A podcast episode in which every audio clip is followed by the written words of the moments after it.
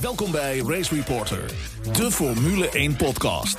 Racereporter.nl Met het derde deel. Is het ook het laatste deel van de special van de achterhoede teams in de Formule 1? Nou, het zit er dik in, hè? Zit er dik in. Eh, de crap teams, waarin we aftellen tot de beste pogingen tot het meest beroerde team. Ja, en in de eerdere delen maakten we kennis met uh, nou, teams als Larousse, als Onyx, Super Aguri en het Nederlandse Boro. Boro, ja. Maar Spijker. nu komen we toch echt wel in Spijker, ja, die ook. Maar nu komen we wel echt aan in de krochten van eh, de Formule Crap. 1-historie, hoor. Och, och, och, och, zeg maar, de, de, de drap onderaan, de, onderaan het biertje, zeg maar. Ja, Wat, wat, wat voor vergelijking hebben we nog meer? De Dries Roelvink. Nou, nou, nou, nou, nou. Nederlandstalige popmuziek. Nou, nou, nou. Steek van wal, Charles Jalf. Of doen we nog nog voorstelrondje? Ja, zeker, want ik heb, eh, Eh, ja, ik heb standaard heb ik drie intro's die Ja, ik roleer. nou dus ja, ik kan nu mijn derde Ja, gebruiken. ik vergeet ook steeds wie jullie nou Ja, zijn. Ja, Een stukje autosportfotografie, of niet? Nee, die staat hier niet aan. Die staat hier niet in. Nee. Hier staat, eh, ik ben Charles, 32 jaar. Een echte petrolhead. Die soms zelfs met een Oh ja, schuin oog naar elektrisch kijkt. Ik ben door de week zo'n simpele marketeer. En ik geef graag mijn mening over de autosport. Wauw. Geen stukje Geen fotografie. stukje, ja, geen man. stukje. Zelfs niet in de eerste en ook niet in de tweede, jongens. Eh, Jeroen, jij bent nummer twee. Oké, Jeroen 1 voor 2. Welke? Ja, die ene. Die ene Jeroen. Ja, ik ben dus Jeroen Demmendaal. Ik ben eh, bijna 37 jaar, eh, tegen de tijd dat dit uitkomt. Ehm, ik doe ook een stukje schrijven over autosport. En ehm, ik doe ook nog iets met een stukje communicatie. Een mooi stukje. En ik ben Jeroen Scholten. En ik eh, kijk vaak naar autoraces. Dat klonk heel erg Calimero, eh, Jeroen. Ja, wat moet ik verder nog zeggen? Nou, lekker kort. Ja, mand. H-R-T. Viva España. HRT. Of moeten we eigenlijk zeggen Campos. Ooit begonnen als Campos, maar die kon- het geld niet bijeen krijgen. Spanje Racing ook niet, zo bleek later. Mooi introotje van Jeroen Demmendaal. Lekker, eh, lekker introotje hoor. Ja toch? Nee, Campos Meta als een van de drie nieuwe teams in 2010. Startbewijs toegewezen gekregen. Campos Racing, opgericht door Adriaan Campos. Ook een oud Formule 1 coureur.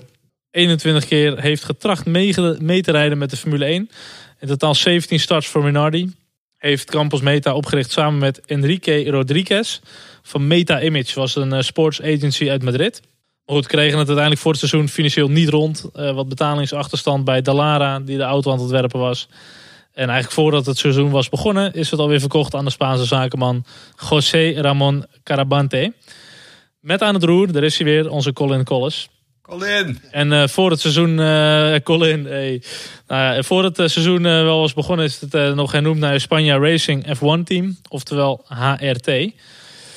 Ehm, ja, hun eerste seizoen in de Formule 1. Eh de Lara chassis, Cosworth motor, dramatisch seizoen, zeer onbetrouwbaar. Geen wintertest, geen upgrades. Wel Bruno Senna en Karun Chandok. En halverwege het seizoen, in plaats van Karun Chandok, daar is hij ook weer, Sakon Yamamoto. Nou, dan, Die, die was goed, die was goed. Die was zo goed, hè? Die was goed. Die maar, wa- ze maar wie was eh. de beter? Was Yamamoto of Ide beter? Dat is een grote vraag. Eh, nee, daar ga ik toch wel voor Yamamoto. Yamamoto, ik, Yamamoto, ja. Yamamoto. Ook omdat het niveau in de hedendaagse Formule 1 denk ik iets hoger is. Qua, Ja, en hij heeft een mooiere naam. sport, ja.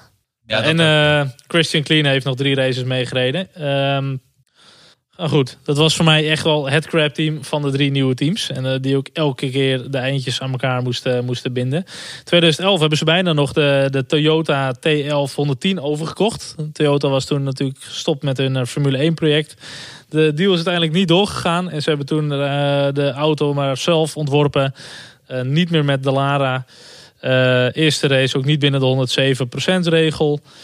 Ehm, en eh, zelfs nog in 2011 en in 2012 eh, altijd gedoe voor Australië. En daar dus eigenlijk ook niet meer meegereden. Maar onze goedlachse Daniel Ricciardo heeft wel zijn debuut gemaakt.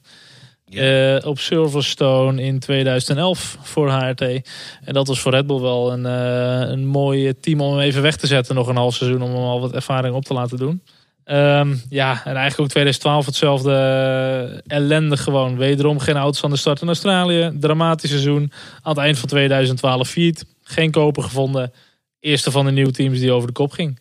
Leuk, eh, leuk initiatief. In het laatste seizoen hebben ze Pedro de la Rosa nog even in de auto gezet. Eh Narain Kartikian heeft er nog twee seizoenen gereden. Ja, Ah, het enige leuk vond ik wel Bruno Senna, het eh, neefje van eh Arton Senna, die eh, in het eerste seizoen heb gereden in die Ja, maar die, auto. had het, die had het toch ook niet? Die had het ook Ik niet. bedoel, Nee. de La Rosa is misschien wel de beste van het setje daar. Ja, maar als je dan van de drie teams hebt, dan. dan, dan is dit wel met recht echt de slechtste. Ricciardo was wel oké, maar verderop de line-up was niet echt om over naar huis te schrijven. Maar ook eh, 56 races. Beste resultaat, 14e. Ja, ja het is echt het is niet best met dit team. Maar goed, ze hebben een dappere poging gewaagd. En ik vond het zelf wel een mooie periode, omdat we gewoon eh, eh, 24 auto's aan de start hadden.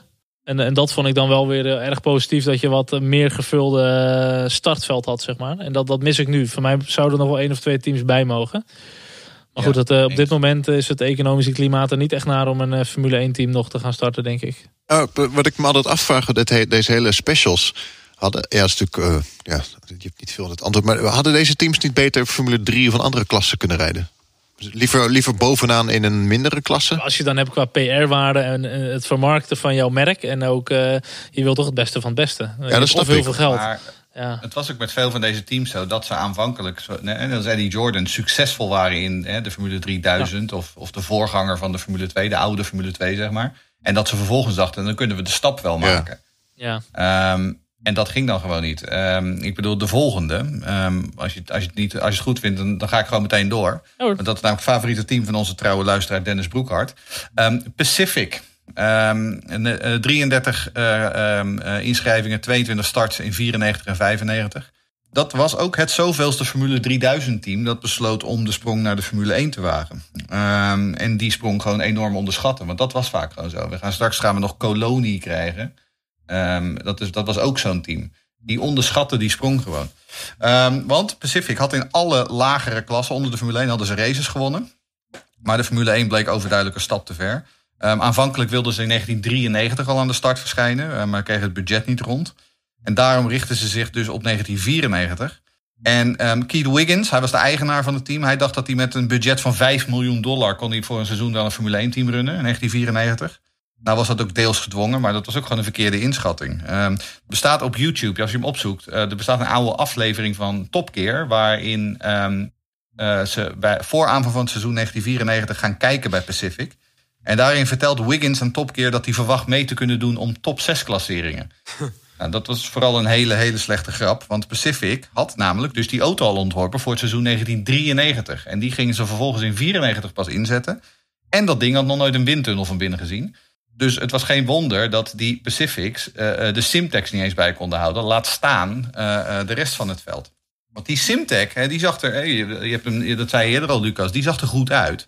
Maar de Pacific was gewoon log. Die oogde log, die oogde zwaar. Gruwelijk Een lelijk. soort afgekeurd, afgekeurde Benetton of zo. Zo zag dat ding eruit. Grondverf En- voor mijn gevoel, dat lelijke grijze. Ja, en, en ze hadden natuurlijk zo'n hoge neus. Dus het leek een beetje op een Benetton. En het grappige was, laat dat nou net het geval zijn. Want dat was namelijk een vroeg concept van de Benetton B193. eh, die ze eh, voor weinig op de kop hadden getikt. Nou, dan lag er achterin lag er een Ilmore, een V10, die met afstand de zwakste van het veld was. En op het raidersvlak hadden ze, eh, was, het, was het ook allemaal een beetje behelpen. Want hè, onze grote vriend Bertrand Cachot, niets dan goeds. eh, die werd zelfs deeleigenaar in Pacific. Maar ze hadden ook Paul Belmondo. En Paul Ja, Belmondo was de zoon, van een van- Franse acteur. Ja, En Jean-Paul. Paul Belmondo kon er gewoon ook niet zo heel veel van. Jean-Paul Ehm, Belmondo, ja, dat was die acteur. Dat was, eh, Ja, exact. Ja. Ja, En zijn zoon Paul, nou, die ging met, met de center van papa ging die racen. Maar die, die, kon het gewoon niet, die kon het gewoon niet zo bolwerken. Dus Gachot die haalde nog wel een paar keer de grid in die eerste zes races. Eh, maar race finish was er sowieso nooit bij. Want dat ding was ook hopeloos onbetrouwbaar. En vanaf Frankrijk, vanaf de Grand Prix van Frankrijk... haalde Pacific alleen maar DNQ's. Alleen maar did not qualify. Nou, dus toen dachten ze voor 1995... beginnen we hè, niet met een oude auto, maar met een volledig nieuwe auto... Ehm, en Lotus was net ten ziele gegaan. Dus toen namen ze ook de, de inboedel van Lotus over. Er was ook niet veel over, maar goed. Ehm, achterin, die Ilmore, die werd vervangen door een Cosworth. Ehm, en ehm nou, eh, mede-eigenaar, die bleef rijden. Terwijl de andere auto bestuurd werd door Andrea Montermini. eh, de kleine Italiaan. Ehm, en het is overduidelijk, die, die PR02, zoals die auto heette... die was veel beter dan die PR01. Eh Larousse was inmiddels failliet gegaan, dus eh, ze konden zich ook niet meer niet kwalificeren. En die Pacifics, die regelmatig stonden ze in de top 20 op de grid. Eh Montermini finishte als negende in Brazilië. Ehm, maar het probleem was dat die financiën, die bleef Wiggins maar onderschatten. En dat werd een steeds groter probleem. Dus Gachot, die stapte in Hockenheim, stapte die uit in de interesse van het team. En toen kwam Giovanni Lavaggi uit, uit Italië. Die kwam eh, langs en die zei: Ik heb al een zak Italiaanse centen. Ehm, mag ik in die auto rijden? Nou, dat mocht hij wel. Um, want hij had centen genoeg, maar potten breken kon hij ook niet. Dat is ook een ramp. Ja, Ja. Want, een jaar later kwam hij nog in de Minardi aan de start. Dat was het ook niet. Toen verving die eh, Giancarlo Fisichella, omdat Minardi weinig cent had. Maar goed. Ehm, maar Lavaggi die reed vier races voor Pacific. Toen waren de Italiaanse lieren op. Ehm, en toen werd hij vervangen door een nog twijfelachtiger vriend, Jean-Denis Deletras. Eh, Jean-Denis Deletras was een Zwitser. Ehm, eh, de naam Deletras kennen we inmiddels wel eh, van de Formule 2-rijder. dat is inderdaad zijn zoon. Ehm, die nu actief is. Deletras die, kwam in Estoril aan, voor het eerst aan de start. En hij kwalificeerde zich als laatste. En hij was 12 seconden langzamer dan David Coulthard, die op pole position stond. Ehm, en met zijn tijd had hij dat weekend als 22ste mogen starten in de Formule 3000. Ja? Dat, zo goed was Jean-Denis Deletras. Eenmaal in de race verloor hij weer 12 seconden per ronde op Coulthard. Eh, en hij was ongeveer 7 à 8 seconden langzamer dan Montermini in de andere Pacific. Ehm, en na eh, 12 ronden werd hij gedwongen om op te geven omdat hij zoveel kramp in zijn armen had. Nou, oftewel, dat is een beetje waar Pacific op uitkwam. Het werd een beetje, eh, een beetje eh, treurig. En mede als gevolg van de capriolen van die Deletra werd toen ook de 107%-regel ingevoerd. Die kennen jullie nog wel. Dat je dus Ja, de 107% van de kwalificatietijd moest komen. En dat had, dus, dat had dus te maken met het feit dat dit soort vogels eh, in een Formule 1-auto reden. En gewoon rijdende chicanes waren. Ehm, dus ja, die laatste races van 95 liet, eh, liet, eh, lieten wel zien dat Pacific eigenlijk niet zo heel veel te zoeken had in de Formule 1. En dus per 1996 keerde het team, wat jij al suggereerde, Lucas, keerde weer terug naar de Formule 3000. Ehm, en liet de Formule 1 van wat het was. Maar die Delatras, die mis ik nog wel. Ik mis hem ook, zeker. Dat was echt Ja. een leuke gast.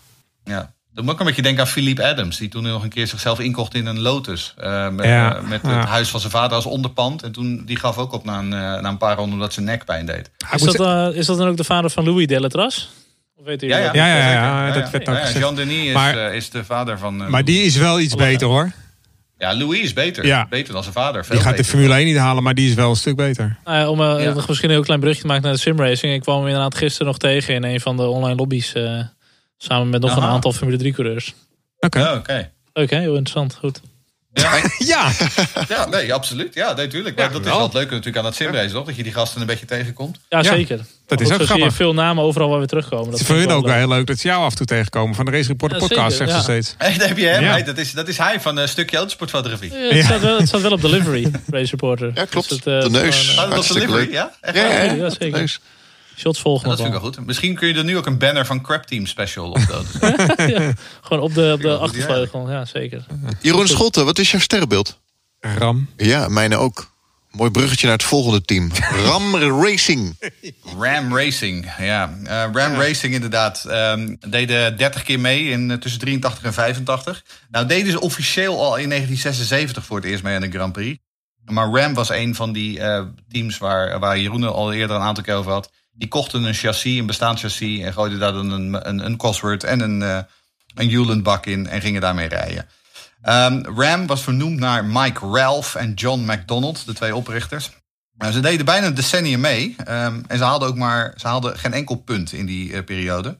Ze begonnen in, eh in 76 met een Brabham. Ehm, en daarmee schreven ze voor zeven Grand Prix acht rijders in.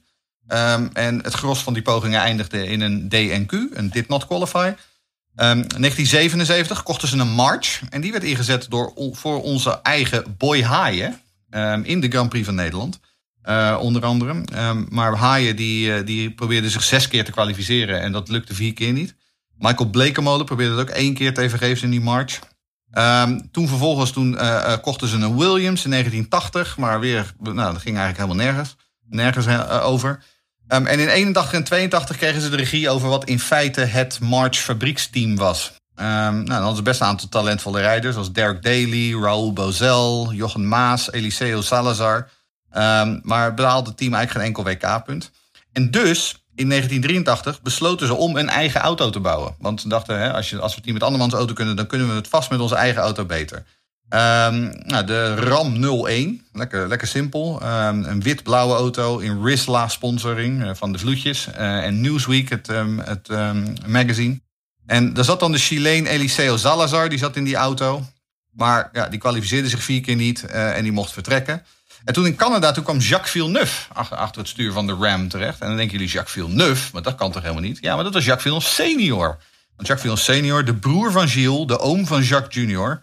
die mocht het één keer proberen, maar helaas, hij kon zich niet kwalificeren voor zijn thuis Grand Prix in Canada. En de rest van het seizoen werd de Ram 01 aan de Amerikaan Kenny Atchison uh, uh, vergeven. Um, en hij kwalificeerde zich in zeven pogingen één keer. Nou, je ziet het al, het gaat lekker met Ram, lekker voorwaarts. Um, dus 1984, we gaan door. En toen kwamen ze met um, een grote nieuwe hoofdsponsor, Skull Bandit. de, de, oudere, de oudere luisteraars en de oudere uh, podcasters hier zullen zich dat nog wel herinneren. Dat is pruimtabak. En dus kwam die auto in een, ik moet eerlijk zeggen, een hele mooie groen-witte livery terecht. Uh, Philip Alio, Jonathan Palmer, best heel redelijke coureurs ook. En, maar ja, hoewel de, de auto's wel meestal de grid haalden, bleven de punten ook nu uit. Dat had ook te maken met het feit dat ze een hard motor in, uh, achterin hadden liggen. Daar hard. weet je Stappen ook nog wel wat van, want die had in 1996 ook een hard. Jordan. Uh, en dat, ja, dat was in de Arrows overigens in 96. Um, en Jordan reed eerder ook met een hard inderdaad. Ja, maar goed, wat, de hard had vooral te weinig vermogen en ging te vaak stuk. En dat was in de Ram niet anders. Uiteindelijk 1985 bleef het, uh, werd het laatste jaar. Uh, Ram, Ram sloeg zelfs de laatste twee races van het seizoen over en, uh, en sloot voortijdig de deuren. Um, en dat was het einde van Ram Racing. Ook weer een mooi, ook weer een pareltje. Zeker. Ram, Ram Racing. Dus ik vind het wel leuk dat ze zo die oude foto's dan googelen. De oude, dat je nou ja, grappige ja. oude. Van ieder team ja, is wel een foto. Het wel aardig uit hoor. Ja. Bij mij gaat als ik dit hoor echt weinig belletjes rinkelen. Maar als je hem dan ziet, dan denk je, oh ja, die, die auto ken ik wel. Dat is wel een mooie auto, zeker. Race Reporter. Italië gaan we naartoe. De Formule 1 podcast. Merzario, Arturo Merzario, is een coureur. En die uh, besluit op een gegeven moment ook maar een team uh, te beginnen. Omdat hij uh, nou, een best aardige loopbaan hoor. Waarmee hij ook bij Ferrari en Williams heeft gereden. Um, de teams hebben niet meer zoveel interesse in hem. Dus voor 1977 dan uh, hij wat geld bij. Hij koopt een oud Mars chassis. Nou, het verhaal kennen we inmiddels wel. hebben zoveel teams gedaan. Hij gooit er een Cosworth motor in. En uh, ineens staat hij in race 5 van het seizoen in het Spaanse Jarama. Staat hij ineens op, op de grid. Nou, het hele seizoen wordt een drama. Hij valt overal uit, behalve in België. Daar wordt hij veertiende. Wat op zich nog niet eens zo heel slecht is. Want het is wel de beste klassering voor een March in die race. Maar uh, hij besluit het nog wat beter aan te pakken. En hij, uh, in 1978 komt hij met een hele nieuwe wagen op de proppen, de A1. Maar in plaats van dat het beter wordt, wordt het alleen maar slechter. Hij finisht maar één keertje. En uh, die ene finish is op acht ronden achterstand. In Zweden trouwens. En uh, als je acht ronden uh, achter de winnaar eindigt, krijg je geen klassering. Niet geclasseerd. Nee, dus uiteindelijk heeft hij nog steeds geen klassering. De wagen is niet eens. De snelheid van de wagen was nog wel oké. Okay, maar alles ging ook verder constant stuk. En uh, ook in 1979 rijdt het team een volledig seizoen. Ditmaal in de A3. Dat is een wagen met ground effect. Uh, maar de auto komt niet één keer aan de finish. Weer die uh, onbetrouwbaarheid. En dan verzint hij eigenlijk het domste idee wat je kan hebben. Want eigenlijk had hij als enig idee moeten zeggen van nou, ik stop ermee. Maar hij besluit wanneer het Duitse Kausen, dat is ook een Formule 1 team, waar we het later nog over gaan hebben, als die zich terug moeten trekken uit de F1 omdat ze werkelijk helemaal niets presteren, besluit Arturo uh, Merzario dat het een goed idee is om die wagens misschien op te kopen en daar mee te gaan racen. Dus dat doet hij. Wat een top idee. Dat was echt een top idee. Uh, hij laat het wel door de Lara wat aanpassen, uh, zodat het een, een, een, nieuwe inschrijving wordt met een nieuwe auto. De WK 005 noemt hij dat. Uh, maar goed, uiteindelijk de vorige auto van Kausen was al slecht. Dus uh, nu wordt het alleen nog maar slechter. Uh, in de media kondigt hij dan aan dat de A5 waarin hij 1980 zou gaan reizen... een doorontwikkeling van de A4 moet gaan worden. Dus hij heeft nog volle plannen. Maar het komt er nooit meer van. Want zijn portemonnee is leeg. Hij vindt geen sponsors meer. En Arturo Merzario zou in 1980 nooit meer aan de start verschijnen. Een kort verhaal van een ja, vrij waardeloos team. En wat een vreselijk lelijke auto. Ja. was wel, opvallende, was wel een opvallende vent met zijn Stetson hat. Ja. Merzario. Nee, het was, het, ja, met, met het haar en zo. Ja. Met dat haar ook. En ja, dan met die ja. enorme hoed. Ja, die ja, hoed op. Ja, dat was een mooi opvallende verschijning in de paddock, die man. Ja, het was ook best een leuke... En dat, hij had ook best een aardige carrière nog voordat hij voor zichzelf begon. Hij kon best wel wat. Maar het team sloeg nergens op en was inderdaad een vrij lelijke auto, ja. Het volgende team. Ik heb ooit iemand ontmoet, die een Nederlander... Die werkte bij dit team. En die is later bij bij Ferrari gaan werken aan de versnellingsbak van Schumacher. En dat deed hij vanuit zijn uh, kantoortje in Hilversum. En dan heb ik het over het team Forti. Ja, 27 entries. Oswald heet hij trouwens. Sorry, sorry. Oswald. Oswald heet hij. Okay. Heb je ook nog een achternaam of uh, Oswald? Ik vergeten. Okay, goed verhaal. maar goed, Forti, Italiaans team. 27 entries, 23 starts tussen 1995 en 1996.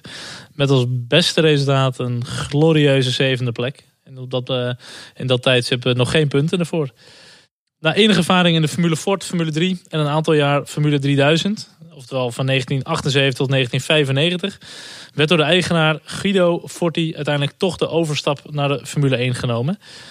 Met een kredietwaardig budget, lees het geld van de papa van Pedro Diniz, um, zijn de voorbereidingen genomen op het seizoen 1995 um, met uh, genoeg sponsorgeld op de plank voor de komende drie jaar. Goed, als we even Wikipedia kijken. 40, known for its brief and unsuccessful involvement in Formula One. nou, dat is ook even vrij simpel uh, opgesomd. Maar als je kijkt wat er op die auto stond toen. Er stond Parmalat op, er stond uh, Sadia op. Er stonden allemaal grote ja. Braziliaanse sponsors op dat ding. Ja, en dat was inderdaad... Uh, geld zat. Ja, dat was het bedrijf van, uh, van Diniz. Die uh, aantal van dat soort... Senior, ja. Voor mij is het een beetje te vergelijkbaar met onze Unilever. Die zoveel merk hebben. En die stonden ook ja. redelijk breed op de auto uitgemeten. Maar goed, in plaats van het kopen van een chassis van bijvoorbeeld een Lola of de Lara... hadden ze toch besloten om zelf een, een auto te gaan bouwen. Uh, faillissement van Font Metal hebben ze het chassis onder andere ja. overgekocht met nog wat andere ellende. Um, maar goed, het resultaat was een auto die niet veel beter was dan de gemiddelde Formule 3 bolide waar ze normaal mee reden. Conclusie, log, zwaar, langzaam en volledig achterhaald. De enige auto met een handgeschakelde bak, te weinig pk's, ook met een oude Ford motor. Maar wel met meer budget dan bijvoorbeeld een Pacific, Simtek, Minardi. Um, ja, ze hadden wel wat updates in het seizoen. Onder andere hebben ze dat ding 60 kilo lichter weten te krijgen. Nou, als je veel te zwaar bent is dat niet zo heel uh, lastig. Maar uiteindelijk toch uh, nul punten. Um, 1996, wat betere motoren. Weer uh, druk bezig met de voorbereiding. Alleen Pedro Diniz verruilde Forti voor Ligier.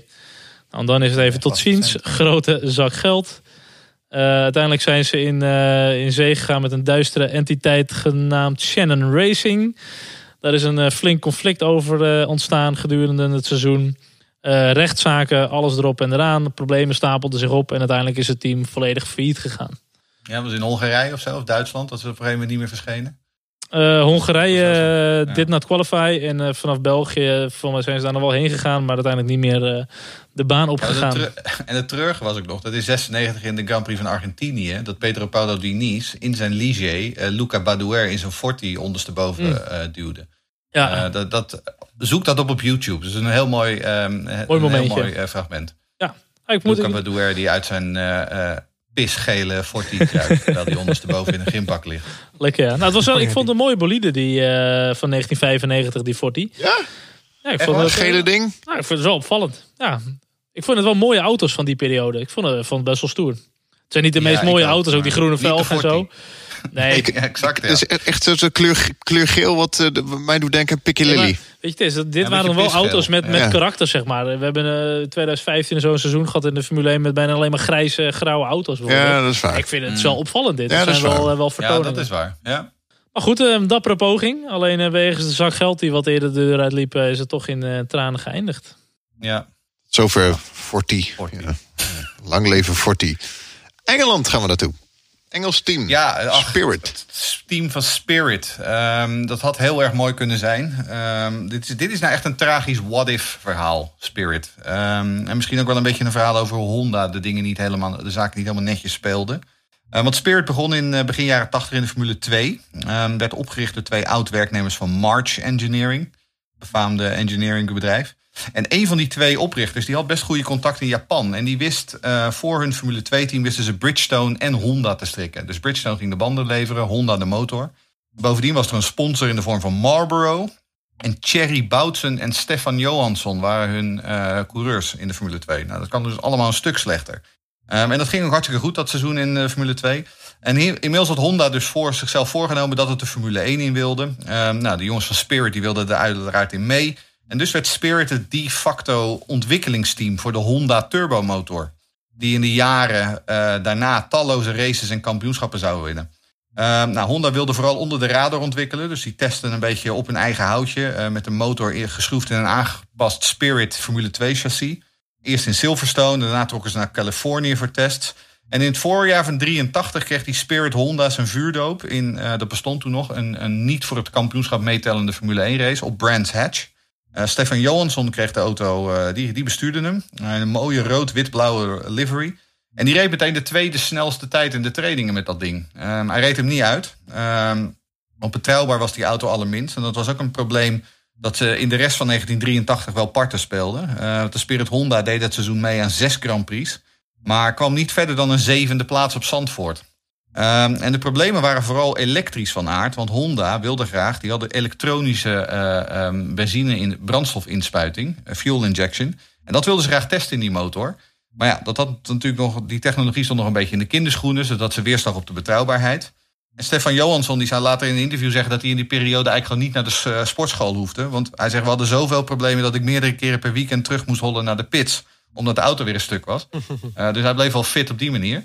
Um, en toen in Monza, een van de laatste races van 83 waar aan Spirit meedeed, uh, had het team talloze motoren die stuk gingen. en Johansson die kwam in de race slechts een paar ronden ver. En de week daarop kondigde Honda Pardoes aan dat het in 1984 exclusief motoren zou leveren aan Williams. Waardoor de kansen van Spirit verkeken werden. En daardoor, want er was een geplande sponsordeal met, weer, daar komen ze weer, Skull Bandit van de pruimtabak. Er zou voor 84 een sponsordeal komen, maar die Honda-motoren waren een voorwaarde. En dus ging die sponsordeal niet door. En dus moest Spirit uh, verder met um, minder centen en met uh, een Hard en een Cosworth motor. Um, maar goed, dat ging uiteraard niet zo heel veel, niet heel erg succesvol. Emerson Fittipaldi die testte de auto nog in het begin van 84.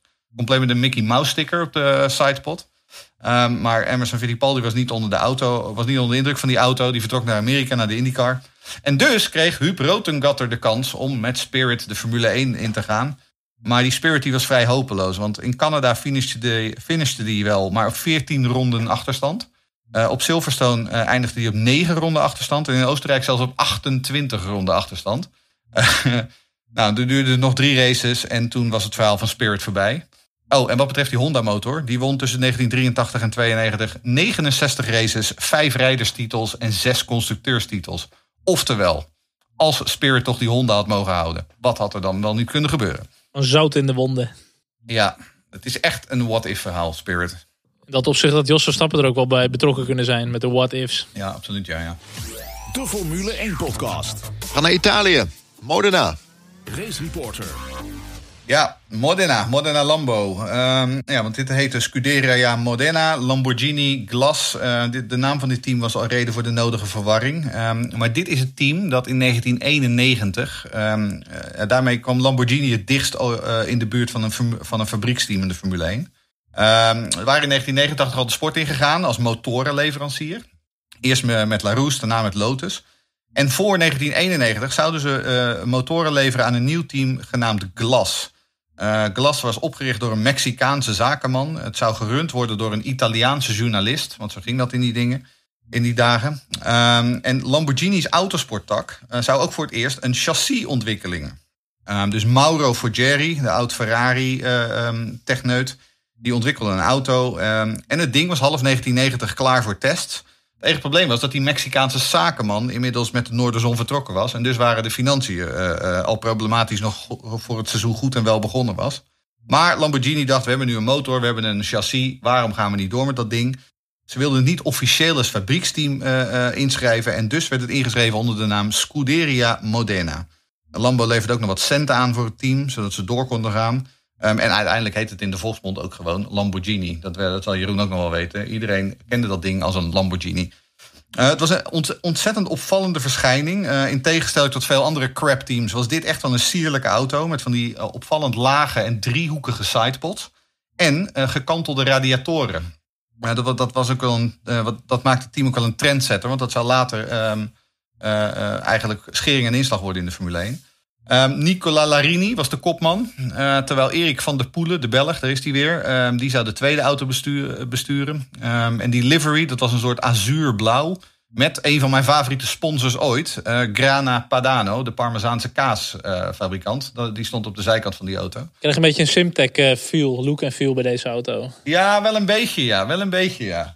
Um, nou, er moest uiteraard ge geprekwalificeerd worden. Um, en aanvankelijk ging dat voor Larini makkelijker dan voor Van der Poelen.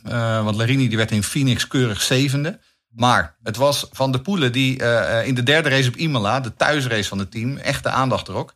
Er uh, kwamen bakken uit de hemel in die, in die race. Het was één grote chaos. En uh, Van der Poelen reed lange tijd vijfde, vlak voor Mika Hakkinen in een Lotus. En hij was dus op koers voor twee WK-punten. Maar in de laatste ronde, twee bochten voor het eind, viel hij stil met uh, benzinedrukprobleem en werd uiteindelijk geclasseerd als negende. En daardoor werd ook gewoon de financiële steun voor Lamborghini, die werd, die werd steeds minder. Um, en in Canada begon ook de klatter een beetje in te komen qua reserveonderdelen. En uiteindelijk, naarmate het seizoen vorderde, kwalificeerden ze zich steeds minder. Eind 1991 waren de centen op. Uh, toen probeerde Modena nog om een doorstart te vinden... door bijvoorbeeld te fuseren met Larousse. Um, terwijl ook Reynard in die periode interesse had in de Formule 1. Maar van die plannen kwam niks terecht. En dus verdween Modena Lambo na één jaar alweer uit de Formule 1. Op zich jammer. Zonde, ja. We gaan naar Italië. Vond Metal al een uh, aantal keer voorbij komen, horen komen, ja? Gabriele Rumi. Gabriele Rumi, inderdaad. We hadden het eerder al over Ocella natuurlijk, zoals uh, Jeroen uh, vertelde. Uh, ja, en Font Metal wordt inderdaad de voortzetting van dat avontuur.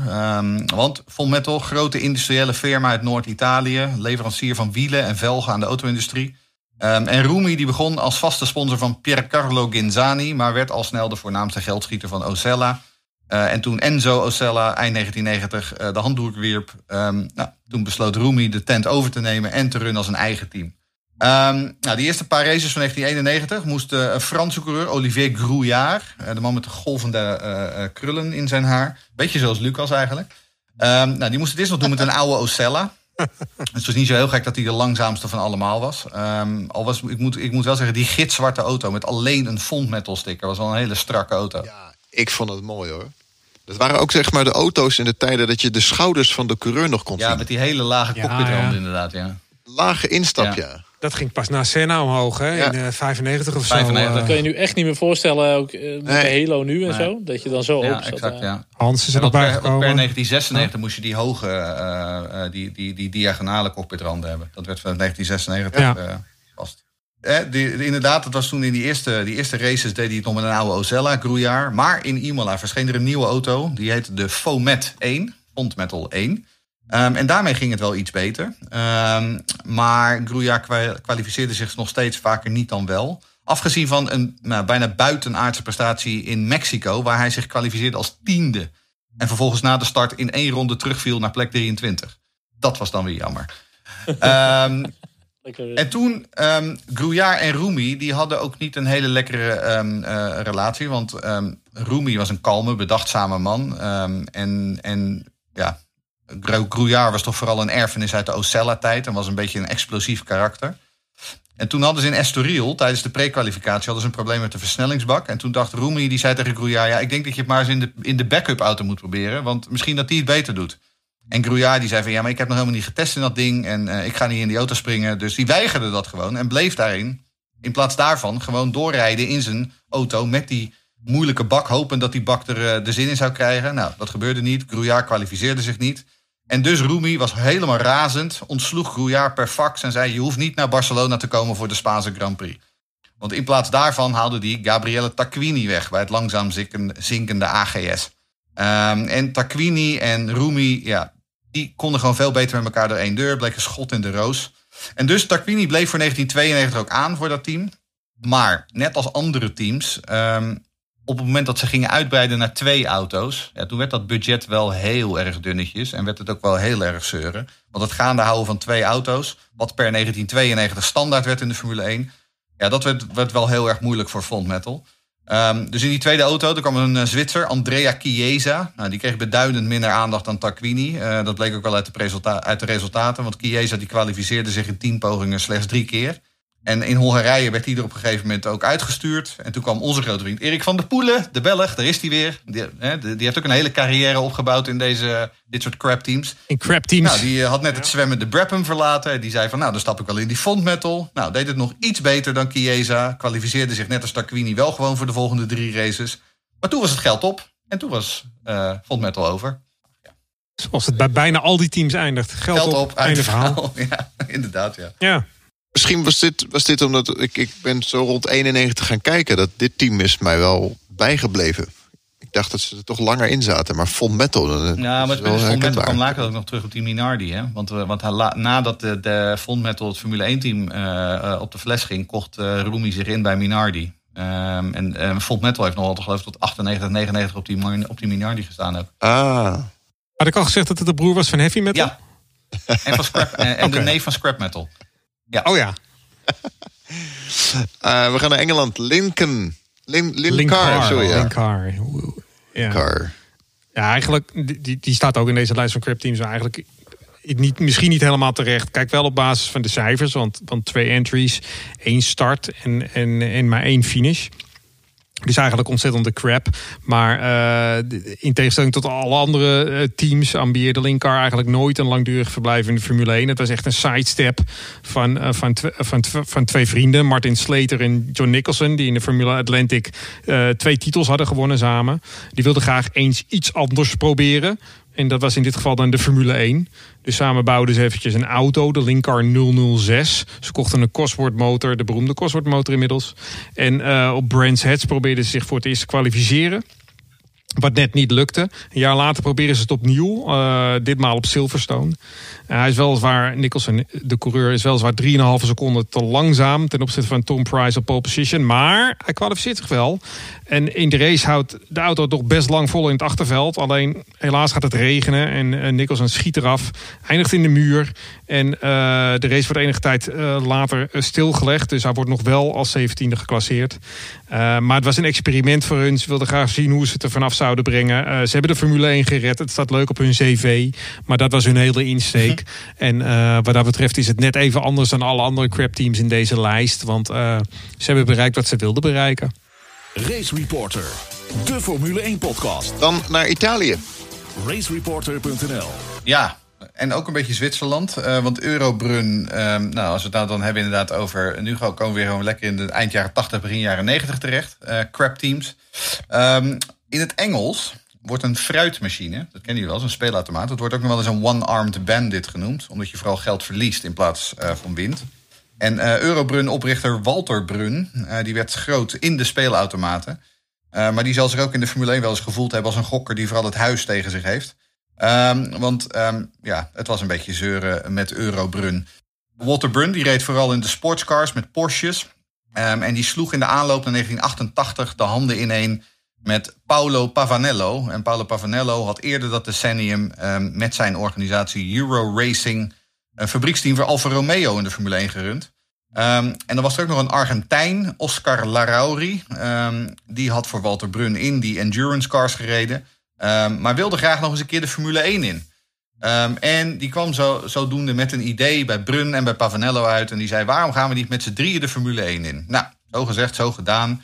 Eh, en Pavanello die vond ook een designer die eerder die Alfa's getekend had. Ehm, nou, mooi was anders, maar die eh, auto voor 108, die 188 was eigenlijk best een functioneel design, aangedreven door, hoe kan het ook anders, Jeroen, kom er maar in.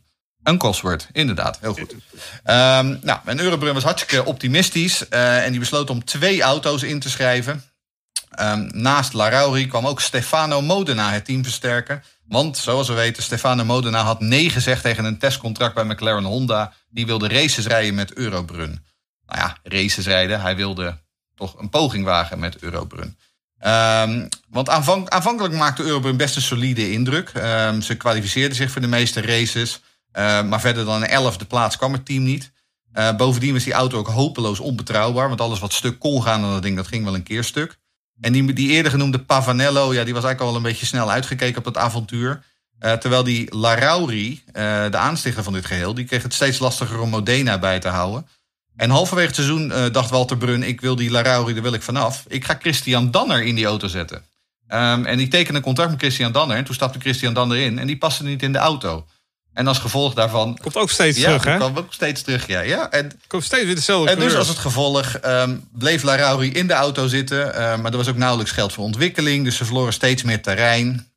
Ehm, en ehm, nou ja, naarmate 88 vorderde kwamen er steeds meer DNQ's en DNPQ's op het scorebord. En dat werd, eh, om het zachtjes uit te drukken, in 1989 niet echt beter. Inmiddels gingen ze terug naar één auto, omdat er zo weinig geld was. Uh, Larauri was inmiddels wel vervangen, maar daar zat nu Gregor Wojtek in. Zoals we inmiddels ook weten, dat is geen hoogvlieger.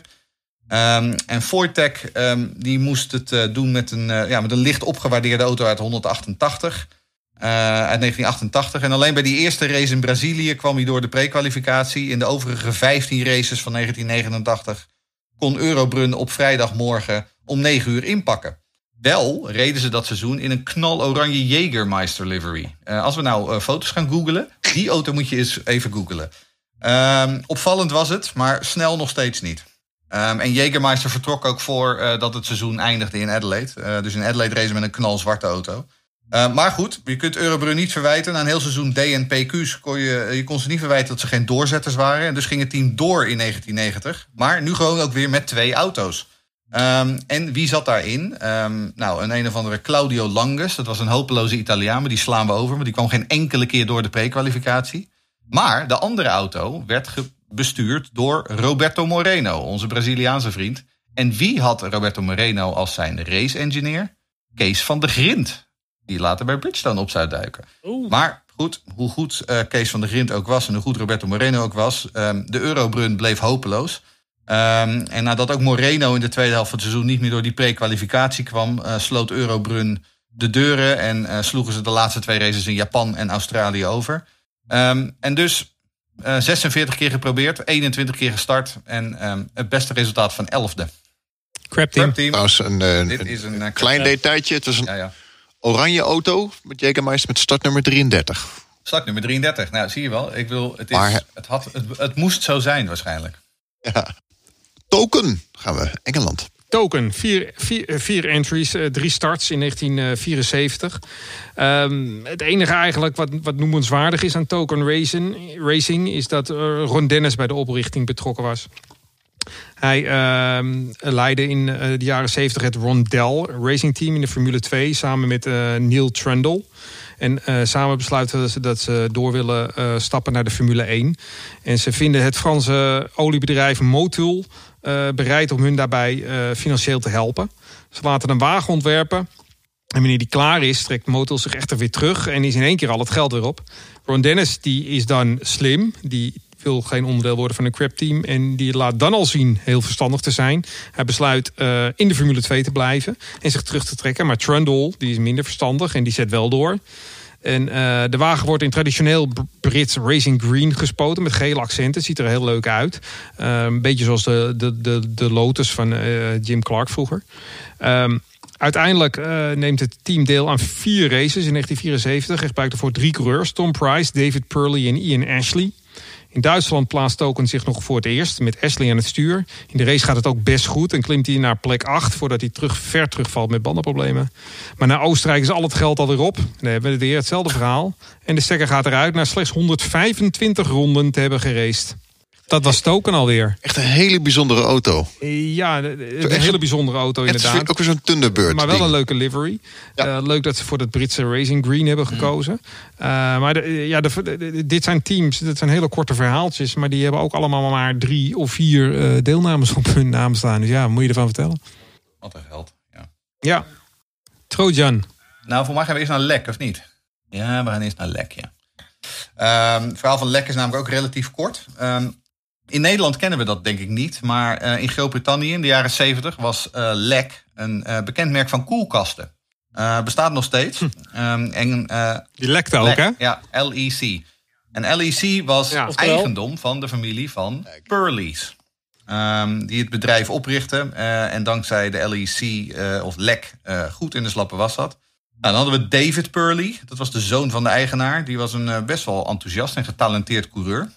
En die had in 1973 al een paar Grand Prix gereden met geld van de familieonderneming. Toen ging dat nog met een gekochte March. Zoals dat ging in die dagen. Um, Zandvoort hè, probeerde Roger Williams nog te helpen toen die verbanden. Exact, want daar onder Nederlanders kennen we hem vooral inderdaad als een van die coureurs die probeerde om Williamson te helpen inderdaad. Tijdens die verschrikkelijke crash op uh, Zandvoort in 73. Uh, maar te vergeefs. Um, hoe dan ook, Purley die had in 75 en 76 best uh, succesvol geweest in de Formule 5000. Dat was ook een klasse. En hij wilde weer terug de Formule 1 in. En zijn vader, uh, de oprichter van, L, van LEC, of LEC, Ehm, zijn vader heette Charles Reginald, Reginald Purley. Ehm, en die fungeerde weer als geldschieter. En werd ook de naamgever van de, L, de LEC-auto, namelijk de CRP1. Dus uh, volgens zijn initialen. Ehm, nou, die lek die zou ook weer aangedreven worden door... Jeroen, kom er maar in. Uh, ik vermoed een Cosworth. Cosworth, ja. Want zo meende Spurley ja. senior succes gegarandeerd. Want Mario Andretti heeft dezelfde motor in zijn Lotus. Toch? Ja, ik bedoel, Kijk. was ja. het maar zo eenvoudig. Ja. Nou, die auto die werd gebouwd in een schuur achter de koelkastenfabriek. Um, en in elkaar geschroefd door een groep werkers die uh, normaal gesproken door de, gedurende de dag uh, koelkasten bouwden. Maar in hun vrije tijd bouwden ze een Formule 1 auto. Um, en um, in de eerste race in Spanje um, nou, werd er een, uh, werd, uh, kon het team zich niet kwalificeren. Maar in België op het circuit van Zolder haalde de lek wel de grid. En hoe? Want het regende op zolder. Um, en Purley die reed eigenlijk best een sterke race. Die klom steeds verderop. En belangrijker, hij besloot om geen bandenstop te maken. Om te switchen naar de slicks. Uh, de reden daarvoor was overigens niet strategisch. Uh, want volgens de teammanager was de, crew, was de crew zo klein... dat een bandenwissel waarschijnlijk een half uur zou duren. Dus besloten ze om die bandenwissel maar gaan over te slaan. Uh, nou, Purley die bleef dus buiten. En die reed uiteindelijk in zijn allereerste race met dat nieuwe chassis... reed hij aan kop van de Grand Prix van België. Lang duurde dat niet, want natuurlijk de rijders op slicks die kwamen steeds sneller dichterbij. En opeens had Purley die had Nicky Lauda in zijn nek zitten. Nou, Lauda die was daar niet helemaal over te spreken, over die zwabberende lek voor zich op, op de baan. Um, en die dacht na de wedstrijd, ik ga even boos verhaal halen. Um, alleen toen kwam die Purley zelf tegen, want Purley was namelijk een vrij imposante man, een voormalig luchtmachtofficier. En toen besloot Nicky Lauda dat hij het daarbij ging laten. Nou ja, de races die daarop volgden, die waren een stuk minder spectaculair. Dertiende, veertiende en een uitvalbeurt. Maar in Groot-Brittannië op Silverstone wilde het team extra goed voor de dag komen. Um, helaas sloeg, sloeg, toen het noodlot toe in de eerste training. Um, want um, in de eerste ronde dat Purley de baan op ging, bleef het gas hangen. En hij crashte op volle snelheid in een stenen muur. Uh, dat was lange tijd de zwaarste crash in de racehistorie. Wat betreft G-krachten. De impact werd geschat op ongeveer 180 G. nou, Purley die brak vrijwel alle botten in zijn benen en in zijn ribben. de auto was afgeschreven en zou nooit meer terugkomen in de Formule 1. Even, even voor de duidelijkheid, 180G. Wat, wat, trekken wij normaal op een brommer door de bocht? nou, niet eens een, halve G. Een halve G. Nee, maar even, nee, maar even serieus. Dat is, G is dus één keer je lichaam. Nou, je, hebt toen, je, hebt toen, je hebt toen nog een keer die hele zware crash met Johnny Morbidelli... Met, in die Sauber gehad op, uh, op, um, op Barcelona uit mijn hoofd. En dat was geloof ik iets van 120 G. Oh, wat kan je aan? Um, dit, was, dit was echt een hele, hele, hele slechte. Want je had ook in die tijd, je had ook nog, je had nog geen bandenstapels. Hè? Er stond wel een muur. Dus het, was, het gaf ook niet mee. Dan heb je mazzel nog. Want 1G is één keer je lichaamsgewicht, uh, toch? Ja. ja. ja. Op je hoofd. Ja. Jeroen Scholte. Trojan. Trojan Tauranak Racing is het voluit. Uh, daar is hij weer. Tauranak is ook al eerder uh, uh, gevallen, de naam. Ron Tauranak.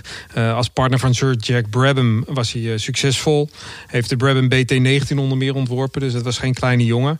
Uh, Brabham gaat op een gegeven moment met pensioen en Tauranak neemt dan uh, het Brabham team over. Hij is een aantal jaren teambaas van, uh, van het team.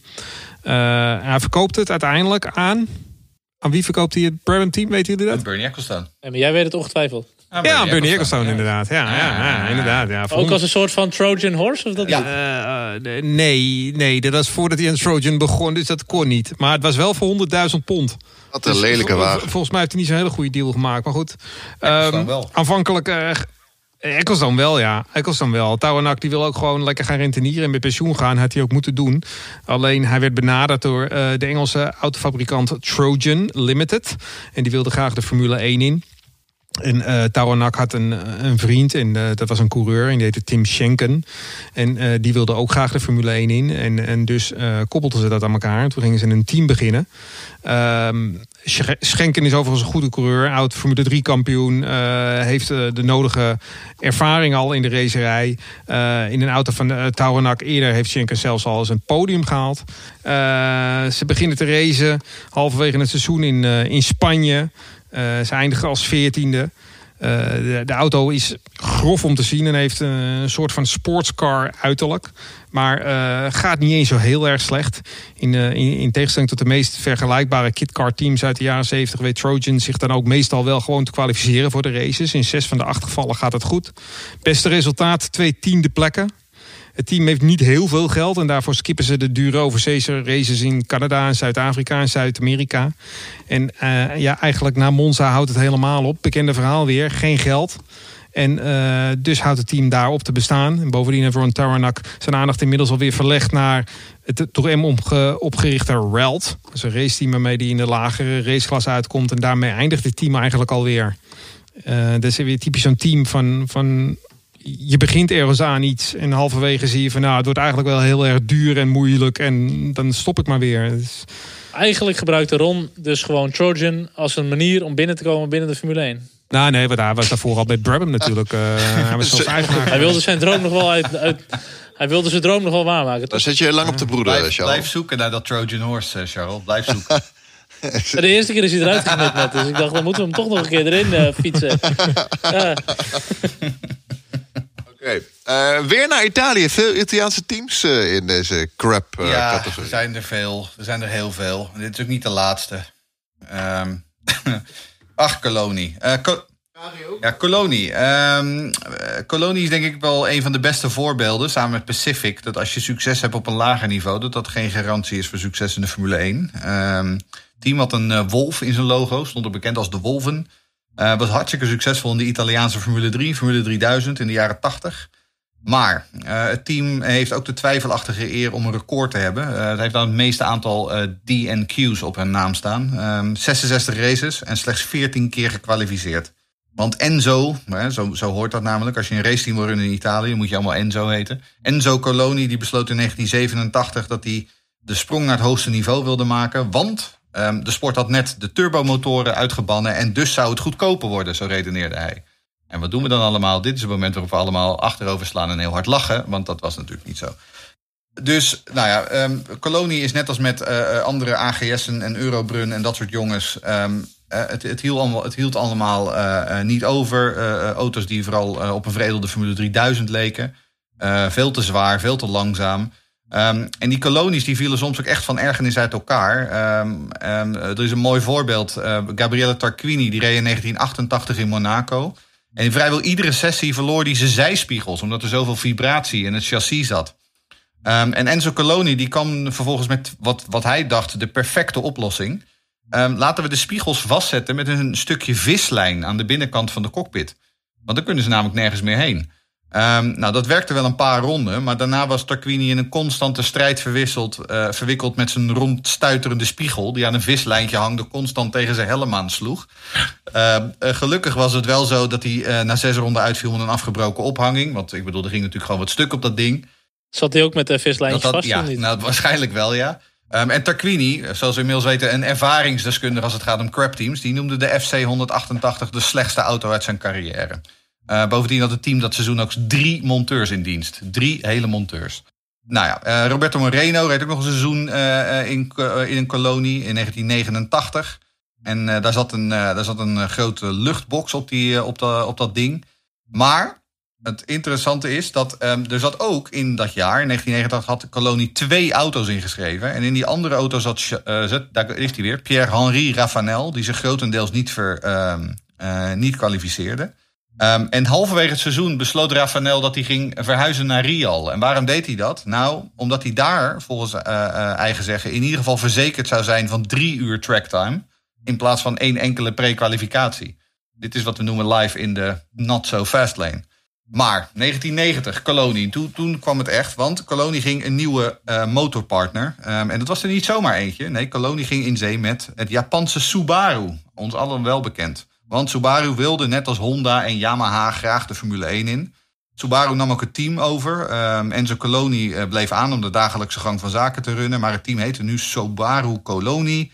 De nieuwe auto was gehuld in het rood-wit-groen van het moederbedrijf Fuji Corporation. En Bertrand Gachot die mocht die auto besturen. Um, dat was overigens geen uh, um, onverdeelde zegen. Want het enorme Fuji Subaru met duizenden engineers in dienst... Uh, besloot om de ontwikkeling van de motor uit te besteden. Um, en in plaats van een gangbare V10 of een V8 besloot Subaru om bij Motori Moderni in Italië een zogeheten Flat 12 te bestellen. Want daar was Ferrari in de jaren 70 zo uh, succesvol mee geweest. Nou, anno 1990 werkte dat niet helemaal meer, want het resultaat was een enorm blok staal. Dat als je, als je, als je de foto opzoekt, op het blote oog oogt het al ontzettend langzaam. Maar dat is niet zo gek, want het kring was namelijk 110 kilo zwaarder dan de concurrerende achterhoedemotoren van Cosworth. Ehm, officieel was het vermogen 600 pk, maar in werkelijkheid kwamen ze niet verder dan 560. Dat was ongeveer 150 pk te weinig vergeleken met Honda en Renault. En omdat dat ding zo zwaar was, was die kolonie ook vrijwel onbestuurbaar. Want de gewichtsverdeling was ontzettend beroerd. Want alles lag, alles lag aan de achterkant. Nou, het enige geluk was dat Gachot voor en kolonie uh, was dat de live in datzelfde seizoen nog slechter was. En daar gaan we het straks nog over hebben. Want anders waren ze iedere pre-kwalificatie als laatste geëindigd. In Brazilië was hij bijvoorbeeld 10 seconden te langzaam om überhaupt uit de pre-kwalificatie te komen. Uh, nou ja, en Subaru was uiteraard niet onder de indruk. Dus na een paar races werd Enzo Coloni ontslagen uit zijn eigen team. Um, nou ja, veel beter ging het daardoor niet. En na slechts acht races trok Subaru de stekker uit het project. En verkochten ze het team weer terug aan dezelfde Enzo Coloni die ze eerder daarvoor ontslagen hadden. Um, nou, die had nu zijn team weer terug, maar geen motoren meer. En dus maakte die een deal met Cosworth. Nou, dan zou je denken van nu is het toch wel klaar voor Calodi. Nee hoor, 1991 gingen ze nog een keer het hele seizoen door. Met een uh, Portugese debutant die rechtstreeks vanuit de Formule Renaultjes overstapte. Pedro Chavez. En die werd gesponsord door een Portugese wijnfirma. Um, nou, die arme Chavez die moest het doen met een oude, vertrage kolonie op circuits die hij niet kende. Dus die kwam 14 keer niet door de prekwalificatie. Bovendien had kolonie hem een salaris van 100.000 dollar beloofd. Maar dat werd uiteraard niet uitbetaald. En dus stopte Chavez ermee. Um, en in Japan en in Australië, uh, voor de laatste twee races uit het bestaan, uh, stapte daarom de Japanner Naoki Hattori in. Nou, willen jullie raden hoe die het deed? Anyone? Pole position. Bijna. Denk ik. Bijna, ik kwam al 40 seconden Oh. tekort. Um, ach ja, en dat Nou, was, Calo nou. en dat was Caloni. Ik heb ooit nog een paar kolonies op Zandvoort zien rijden met Italia Ja, als ja, Zandvoort. klopt, ja. Volgens mij met eh, Jan Ja. Lammers, uh, Arie Ja. Luijendijk. Ja, joh. Ja. Eh, een paar van die, ja, dat, dat Mooie- zijn van die mooie- late mooie jaren. 80 modellen inderdaad. Ja, die heb ik inderdaad ook nog wel eens gezien. Ja. Ja, leuk. Mooi speelgoed. Mooi speelgoed inderdaad. Mooi geluid ook? Of? Ja. Ja, best Ach. wel. Leuk, leuk hoor. Nou, eh, we blijven in Italië. Ja, half. Half Zwitsers, half Italië, ja, Italiaans. Silvio Moser Racing Team. Silvio Moser, dat is de oprichter, matig getalenteerd, uiterst eh, ambitieus, een Zwitser weer. Eh, had al eens eh, wat races gereden met een Brabham BT24 en die had hij ook nog in zijn bezit. Eh, het oude chassis van, waar, waar- waar, Danny Hulm ooit wereldkampioen mee was geworden, maar dat was in 1967. Inmiddels is de auto nogal gedateerd geworden. Ehm dusdanig gedateerd dat hij aangepast moet worden. Dus ehm, benadert Moser Guglielmo Bellassi, een Italiaanse ontwerper, die onder meer eh, de, de oude Brabham, die nog opgebouwd is uit een buizenframe, eh, die bouwt hij om totdat het echt een monokok heeft, wat op dat moment eh, verplicht is geworden in de Formule 1. Op Zandvoort eh, is de belasting voor het eerst present, maar daar weet hij zich niet eh, te kwalificeren. Dat lukt Moser ook niet in Frankrijk en ook niet in Duitsland. Uiteindelijk lukt het in Oostenrijk wel. Dat was een mazzeltje, omdat Ronnie Patterson zich terug moest trekken op de op dat moment trouwens hagelnieuwe Oostenrijkering. Mag hij meedoen met de race, maar je raadt het al, het gaat niet lukken. Want helaas kleunt Moser die ochtend tijdens de warming-up in de vangrail, beschadigt daarmee de radiateur. En aangezien het team geen reserveonderdeel heeft, moet het starten met het lekkende exemplaar, wat er natuurlijk na een paar rondjes al mee stopt. Die, eh, die Oostenrijkse rondjes blijken de enige ronde te zijn dat het Belassi-chassis dat jaar zal rijden. Want daarna is uiteraard het geld op en trekt het team zich alweer terug. Is dat dan het laatste wat we horen van Moser in Belassi? Nou nee, want hij geeft niet op. En exact een jaar later vraagt een, een, een raceteam... en het heet echt de, de Jolly Club of Switzerland. En die, die vragen of... Mo, ja, de Jolly Club of Switzerland. Dat is een raceteam. Wie kent ze niet?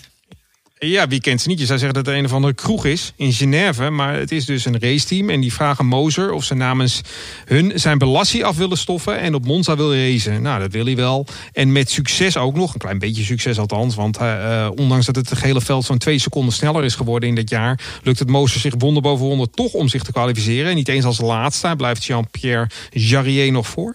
In de race is echter na drie ronden wel weer voorbij. Want de ophanging breekt af. En eh, dat is dan ook meteen het einde voor zowel Moser als voor Balassi in de Formule 1. Maar niet voor de Jolly Club of Zwitserland. Zij zouden een paar jaar later nog een piepkleine rentree maken. Maar daarover later meer. Dus hier heeft Peter. Sauber het van geleerd dan. Eh, Peter Sauber heeft alles geleerd van, eh, van Silvio Moser en zijn Jolly Club of Switzerland. Maar dat is ook hoe het niet moet dan waarschijnlijk. Ja, vooral Waarschijnlijk hoe hoe je het eh, niet moet. Ja, en, en Daar leer je soms meer van dan hoe het wel moet. Ja, dat, dat is zeker waar, ja. Race Reporter. De Formule 1 podcast. En dan krijg je Maki Engineering, vernoemd naar een aap denk ik. Uh, het is in ieder geval het geestkind niet Was van... de dronken Maki? of niet? Ik, ik, ik denk het wel, ja. ja, inderdaad, ja. Het is in ieder geval niet, niet opgericht door, uh, door een Japaner met de naam Maki, maar opgericht door Kenji Mimura. Oh, hij doet het. Nou, Maki. Namaki. ja. Nou ja. Mimura heeft een, een ontwerper bij zich, Masao Ono. En die wordt dan chief designer. Heel knap, want chief designer, terwijl je met twee mensen in dienst hebt. Geef je iemand ook nog een functietitel mee. Um, geen ervaring in de racerij, hadden ze geen van beide. Maar uh, ja, het is weer typisch een kitcar team, inclusief een Cosworth DFV motor en een Hewland gearbox. Ongeveer 150 kilo boven het uh, gewichtslimiet zat de auto. En ondanks enorme koelers aan de zijkant leidt het ontzettend aan oververhitting. De enige binnen het team die wel ervaring heeft, uh, is uh, de coureur Howman Ganley. En die hebben ze aangetrokken, want die heeft een uh, eigen werkplaats in Surrey. En Mimura heeft nog een, een werkplaats nodig eigenlijk. Dus die had meteen toe en die vraagt of hij die werkplaats kan huren voor het team. En zo komt het dus dat het team eigenlijk zijn thuisbasis huurt van de eigen coureur. een aparte constructie. De wagen wordt voor het eerst gezet ingezet in Monaco in 1974, maar is illegaal omdat er uh, bodywork uitsteekt boven de banden. En dat vindt de FISA niet goed. Uh, voor de Grand Prix van Zweden krijgt het team van Kennedy te horen dat hij onder deze omstandigheden niet verder wil rijden, want dan vindt het een afgang. En hij eist aanpassingen. Nou, ze passen wel wat aan, maar de auto wordt eigenlijk maar 30 kilo lichter, dus schiet niet heel erg op. En uh, bovendien vreselijk instabiel. En op de, de Nürburgring, de groene hel, breekt tijdens de trainingen de achterwielopranging spontaan af. En eindigt uitgerekend Ganley, die al waarschuwde, uh, in een aardewal. Hij breekt erbij zijn beide enkels en uh, is meteen ook einde loopbaan. Het team trekt zich terug voor het jaar en besluit zich voor te gaan bereiden op 1975, want ze geven het niet op. En ze hebben zowaar een sponsor gevonden. Citizen Watches uh, wordt de nieuwe sponsor. En uh, ze vinden uh, als coureur David Walker beschikbaar. Uh, en die reist dan ook naar België af. En als hij dan op het circuit aankomt, dan blijkt dat heel Maki er niet is. Heerlijk. ja, dat is ook weer zo'n verhaal. Uh, in Zandvoort is het team er wel, maar dan uh, mag Walker niet rijden. Want ze hebben nu een, uh, een Japanner aangesteld als rijder. En dat is Hiroshi, Hiroshi, Hiroshio Fushido. En dat wordt daarmee, dat moet dan wel nagegeven worden, de allereerste Japanse Formule 1-coureur ooit. Hij zou zelfs hebben mogen starten, waar het niet dat hij zijn motor opblaast in de kwalificatie. En Maki uiteraard geen reservemotor heeft, dus gaat hij niet starten. Na twee weekenden wordt hij dan weer vervangen door Tony Trimmer, die daarmee zijn debuut in de Formule 1 maakt. Ook hij slaagt er echter niet om zich te, in om zich te kwalificeren. Uh, hij moet dat doen in de opvolger, uh, de F101C. Maar die is weer zwaarder dan zijn voorganger. En op de Nürburgring is Trimmer liefst 45 seconden langzamer dan Poolzitter Niki Lauda. Aan het einde van 1975 schaamt Citizen Watches zich zo... dat hij zich terugtrekt als sponsor van Maki. Maki zelf komt nog wel één keer terug op de grid. Eind 1976 tijdens de allereerste Japanse Grand Prix op Fuji. Uh, Trimmer rijdt daar die race. Of althans, dat, uh, dat zou hij gaan doen. Hij is veel ranker, slanker en niet veel zwaarder dan de grote teams. Maar bij de eerste, na de eerste uh, ronde in de vrije training... voordat de versnellingsbak, scheidt de versnellingsbak er alweer mee uit. En er is opnieuw geen vervanger voorhanden. En dat is dus het einde van een heel erg slecht crapteam. Een Japans hoopje treurigheid. Ja, een Japans, Japans hoopje treurigheid. treurigheid. Jawel. Ook weer zo'n verhaal dat je niet begrijpt waarom je in godsnaam aan begint als je geen idee hebt wat je doet. Ja. Ach, ja. Ik, ik begin, bijna, begin, begin bijna aan het einde van deze serie te denken: kunnen wij niet uh, ook een team beginnen? Nou, bijna wel, ja. Als deze mensen kunnen, dan kunnen wij, dan kunnen wij ja. ook, ja. Ja. Nou, maar nee, dat is natuurlijk. Ik kan er eerst een wiel, uh, wiel vervangen. Dus ik uh, denk, denk niet dat het zo'n goed idee is. Maar de jaren zeventig waren ook wel iets anders dan nu. Ja, er worden nu veel meer eisen versteld. Sowieso financieel, boekhoudkundig ja. moet je van alles kunnen overleggen voordat je überhaupt in aanmerking komt om je in te mogen schrijven. Nou ja, maar ook. En, ook, je kan alles met computers nu berekenen. Vroeger moest je iets, iets, iets tekenen en dan ging je de baan op en dan pas testen, toch? Ja, maar ja, anderzijds ja. gewoon even een chassis overkopen... en naar een andere motor in knallen en een beetje sleutelen... en andere vleugels dat, erop. Dat kan nu ook niet meer. Zo. Nee. Nee, nee. nee, nou ja, je hebt, de, de, de, ze beginnen, die Christian Horner is er nu net over begonnen toevallig. Hè, omdat de grotere teams misschien eens een chassisje moeten gaan verkopen... aan de kleinere teams om door deze crisis heen te komen. Ja. Ik vind dat steeds dat een is idee. In zekere zin, ja, maar ja, het, gaat, het druist wel in tegen het uh, principe van eigen... je moet je eigen ontwerp onderwerp hebben. Hè? Ja. En eh, we, we hebben natuurlijk al mensen die klagen over Haas en eh, mensen die klagen over de Racing Point. Ehm, Ik klaag nooit over Haas. Nooit. nee, maar tegenstanders wel. Eh, McLaren die klaagt wel over Racing Point. En eh, Renault klaagde vorig jaar volgens mij over Haas.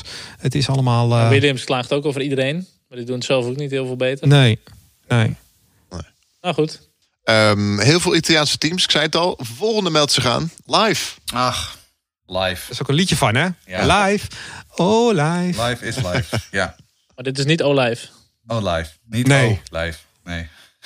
dat dan weer niet. Maar goed, jongens, waar beginnen we met live? Ehm, of zoals het officieel heet, Live Racing Engines. Want dat was het werkelijke idee achter deze poging tot een Formule 1-team. niet zozeer een raceteam, maar het promoten van een nieuw motorconcept.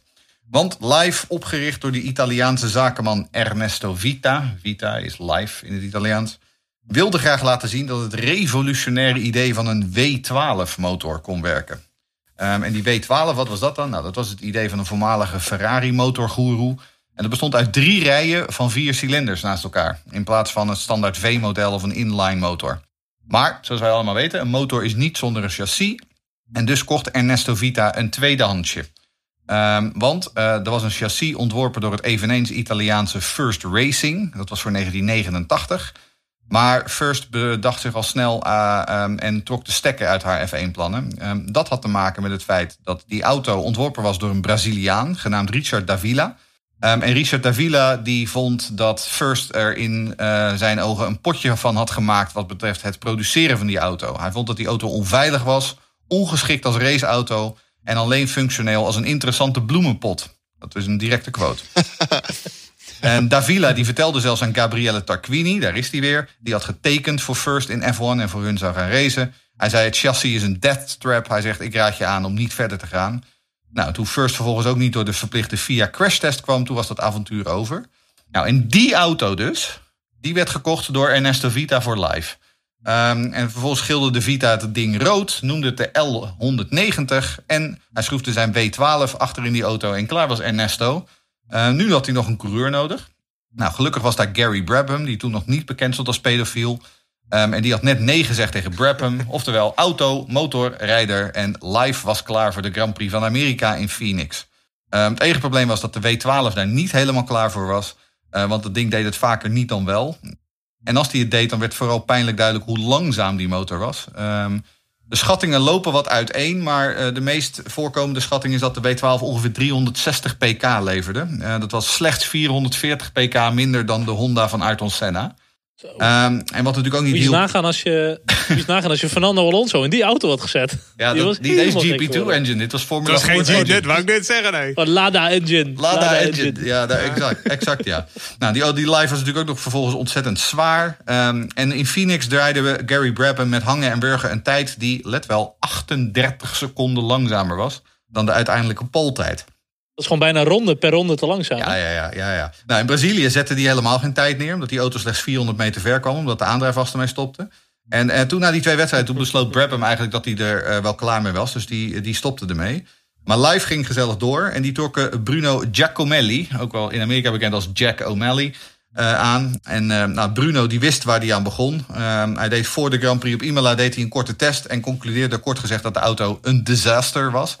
Um, en dat bleek ook wel, want in de prekwalificatie op Imola werd hij geklokt op een ronde van 7 minuten en 16 seconden. Slechts 424 seconden te langzaam om zich te kwalificeren. Ach, Ach, ach. dat zit hem ook misschien een beetje in de meting, hè? Het ging, het, natuurlijk. het was gewoon een kapotte transponder. Er was verder niks mis met die bak. Ja. nee, zo is dat. Zo is dat. Nou, Monaco ging het overigens wel iets beter. Uh, want er zat namelijk wel geen snelheid in die W12. Maar er zat wel lekkere torque, lekker trekkracht in die motor. En dat is in Monaco is handig. En die live bleef zeker acht ronden heel. En dus was Giacomelli slechts 13 seconden langzamer dan de coureur voor hem. Nou, dat was in ieder geval alweer beter dan in Imola. Nou, zo ging dat maar door en maar door. In Canada, Hockenheim, met je die lange rechte stukken. Nou, daar reed Giacomelli ruim 100 km per uur langzamer qua topsnelheid. Um, hij gaf ook in interviews aan dat hij vooral bang was dat iemand bij hem achterop zou rijden. Door het grote snelheidsverschil. En toen nadat er in Monza was er weer een W12 gesneuveld. Uh, deze keer vloog het ding in de brand. Bij toen ze de auto gewoon simpelweg startten.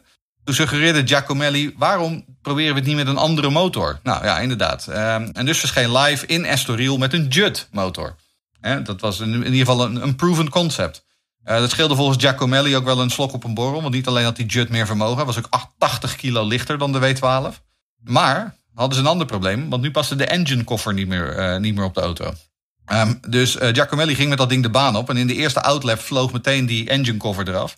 Toen dacht Live, maar misschien kunnen we gewoon zonder engine cover de baan op gaan. Nou, dat vond de FIA niet. En dus werd het een automatische uh, niet geprekwalificeerd. Nee? nee, dat was niet goed. Nee. FIA is ook wel flauw, hè? De FIA is zo flauw. Want die jongens die probeerden het. Jeetje.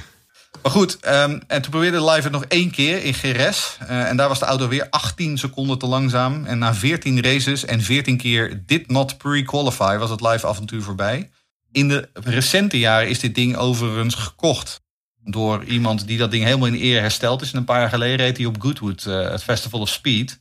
Oh. Reed hij uh, vrij langzaam die heuvel op. Uh, maar ook met de originele W12-motor er nog in. dus de, de, hij is waarschijnlijk nu, dat zegt de eigenaar, is waarschijnlijk nu in betere staat dan die destijds in 1990 was. Ja. Nou, het is heel wat dat ze de Grand Prix hebben gefinished daar in 1990. Nou, dat, ze hebben geen Grand Prix gereden, dus dat, daar, daar ga je al. Um, acht ronden. Dat is de langste periode dat hij, dat hij heel bleef. dat is wel bizar. De Formule 1 podcast. Het laatste Italiaanse team in dit lijstje. Race Reporter. We kennen de naam wel. Andrea Moda, inderdaad een vrij bekende naam. Want het is ook nog niet zo uh, heel lang geleden. Hè. 1992 had het negen uh, entrees en één start. Andrea Sassetti. Damesschoenenverkoper die uh, ooit de restanten van het voormalige kolonieteam... waar Jeroen daar net over verteld heeft, opkocht voor 2 miljoen. het begint al slecht. Want uh, Andrea Mora heeft namelijk helemaal geen wagen om mee te beginnen. Dus moet het team zich behelpen met de oude kolonie, C4B. Uh, als motor maken ze gebruik van, uh, ook zij maken gebruik van een jet. ondertussen vraagt Sassetti aan Zimtech of zij een chassis kunnen leveren op tijd voor het Europese seizoen. Als coureur stellen ze een Alex Keffi aan en Enrico Bertaglia. En daarmee rijden ze af naar Zuid-Afrika voor de eerste race van het jaar op komen ze aan daar, heeft de FIA, die zijn echt heel flauw. Uh, meteen uh, een verrassing voor ze. Want ze mogen niet racen, want er is geen 100.000 dollar aan boord gestort... zoals ieder nieuw team moet doen. Nou, Sassetti is het daar niet mee eens. En hij beargumenteerd dat Andrea Mora geen nieuw team is... want ze hebben immers de inboedel van Colonie overgenomen. Maar één ding is uh, Sassetti vergeten. Ze hebben niet de inschrijving overgenomen van Colonie... en dus is het de nieuwe inschrijving. En dus moet hij 100.000 uh, dollar betalen. Dat doet hij dus en ook maar. de FIA heeft altijd gelijk. En de FIA heeft bovendien ook altijd gelijk. En als ze uh, uh, ongelijk hebben, dan mag je nog steeds niet meedoen. Dus uh, hij moest betalen en hij deed dat dan ook. Maar meteen daarna had hij een volgend probleem. Aangezien dus vast was gesteld dat het officieel een nieuw team was... mag het dus niet racen met het oude chassis van Colonie. Want de jaren 70 waren voorbij. Dit zijn de jaren 90 inmiddels. En dan moet je gewoon met je eigen chassis beginnen. Oh... Maar een wonder geschiet. Bij de volgende race in Mexico is er ook een nieuw chassis aanwezig. Op een of andere wijze heeft Sassetti met Simtech geregeld... dat zij het chassis mogen gebruiken... dat Simtech een jaar of twee, drie eerder... voor een afgeblazen BMW-project zou hebben gebouwd. Uh, alleen is de wagen in Mexico weliswaar aanwezig... maar nog niet klaar om te racen. Sassetti uh, draagt verzachtende omstandigheden aan... maar de FIA is opnieuw best wel pissig op, uh, op het team. Ook de rijders zijn geïrriteerd over zoveel amateurisme en die geven commentaar op Sassetti. En wat doet Sassetti? Hij ontslaat ze alle twee op staande voet, want dat duldt geen tegenspraak. Als vervangers worden dan Roberto Moreno en Perry McCarthy aangetrokken. En vooral die laatste zou het heel zwaar krijgen. Um, de vermogende Bertacchia accepteert zijn ontslag echter niet zomaar... en hij biedt Sassetti een miljoen dollar om toch weer te mogen racen. Het enige dat Sassetti dus moet doen is McCarthy weer de zak geven. Maar, daar komt de flauwe FIA weer. Zij wijzen op het reglementenboek. En daar staan in dat je maar twee rijderswissel per seizoen mag hebben. En die heeft Andrea Moda al na één deelneming gehad. Dus dat gaat niet meer. Klinkt als Monopoly, gaat terug naar start. Ja, eigenlijk hadden ze ook terug naar start moeten gaan, ja. ja of gewoon helemaal nooit hadden moeten beginnen ook. Misschien nee, nou, nog voordat ze ooit überhaupt nog maar een meter hebben gereden... zijn ze al drie keer door de bond op de vingers getikt. Maar Sassetti geeft niet zomaar op en hij bedenkt een sluw plan. Hij besluit het leven van Perry McCarthy dusdanig zuur te maken... dat de Brit zelf op gaat stappen. Dus eh, daarna kan hij natuurlijk Bertakia die wagen geven en het miljoen incasseren. In Spanje verslaapt McCarthy zich. Is niet zo slim, maar op zich niet zo heel erg. Alleen besluit het team dan maar om zonder hem naar het circuit aan eh, te vertrekken. En als hij uiteindelijk aankomt, op eigen gelegenheid uiteraard... blijkt het team de kapotte motor van uh, Moreno, zijn teamgenoot... in de wagen van McCartney te hebben gebouwd... zodat de arme Perry niet eens kan rijden. In Monaco gebeurt dan het ongelofelijke. Roberto Moreno, wat best een aardige coureur is trouwens... die weet zich voor de race te kwalificeren. Weliswaar als 26e en laatste, maar het is gelukt. Al valt Moreno in ronde 11 stil met een kapotte bak. Het zou de enige deelname aan een Grand Prix van, uh, uh, van het team zijn. Meer problemen nog voor Sassetti, want het wordt nog veel erger. Kort na Monaco brandt de discotheek van hem af tot op de grond toe. En klaarblijkelijk is het ook nog na brandstichting. Terwijl Sassetti vlucht voor de vlammen, wordt er op hem geschoten, maar gemist. Uh, later blijkt dat Sassetti ruzie heeft gekregen met de Italiaanse maffia. Korte tijd later reist Andrea Morda vol goede moed af uh, naar uh, de volgende race in Canada. Want in Monaco hadden ze immers uh, gekwalificeerd. Alleen komen ze in Canada aan zonder motoren. Want Sassetti is vergeten jet te betalen. Dus, wat doet Sassetti? Die gaat naar de buren van Brabham en die leent daar één motor. Voor Moreno uiteraard, want niet voor McCarthy. Uh, maakt allemaal weinig verschil. Ze komen sowieso niet door de pre-kwalificatie heen. Uh, sterker nog, in Frankrijk, een race later komt Andrea Morda zelfs niet eens aan. Want ontevreden Franse vrachtwagenchauffeurs besluiten een aantal wegen af te zetten. Hoewel ieder ander team een alternatieve route kan bedenken, lukt het Andrea Morda dus niet. Dan al steken dus de verhalen op dat het voor Sassetti een manier is om uh, de kosten te drukken. Want het, ja, het water stijgt hem boven de lippen. Zowel sponsoren als teamleden hebben al genoeg gezien en de meesten trekken zich inmiddels al uh, terug van Andrea Moda.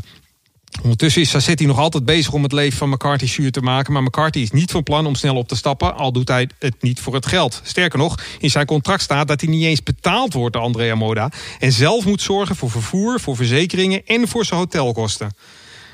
Heeft hij niet echt heel goed uitgehandeld, denk ik. In Engeland uh, is het kurkdroog weer. Maar schroeft het team uh, regenbanden onder. In Hongarije. Hou op. Ja, allemaal de plagerijen. Ze hadden er ook nog maar één set banden toen. Ook dat nog, ja. ja. En in Hongarije, dus, dus komt ook eigenlijk niet anders. In Hongarije wordt hij dan de pre-kwalificatie, in de pre-kwalificatie naar buiten gestuurd met nog maar 45 secondjes op de klok, zodat hij helemaal geen rondje meer kan rijden. En uh, ja, de, de, FIA is er onderhand wel klaar mee, want die zijn flauw. Hè? Dus die zijn van dit soort praktijken niet gediend. En ze sommeren Sassetti om McCarthy te steunen, anders zullen er maatregelen worden genomen.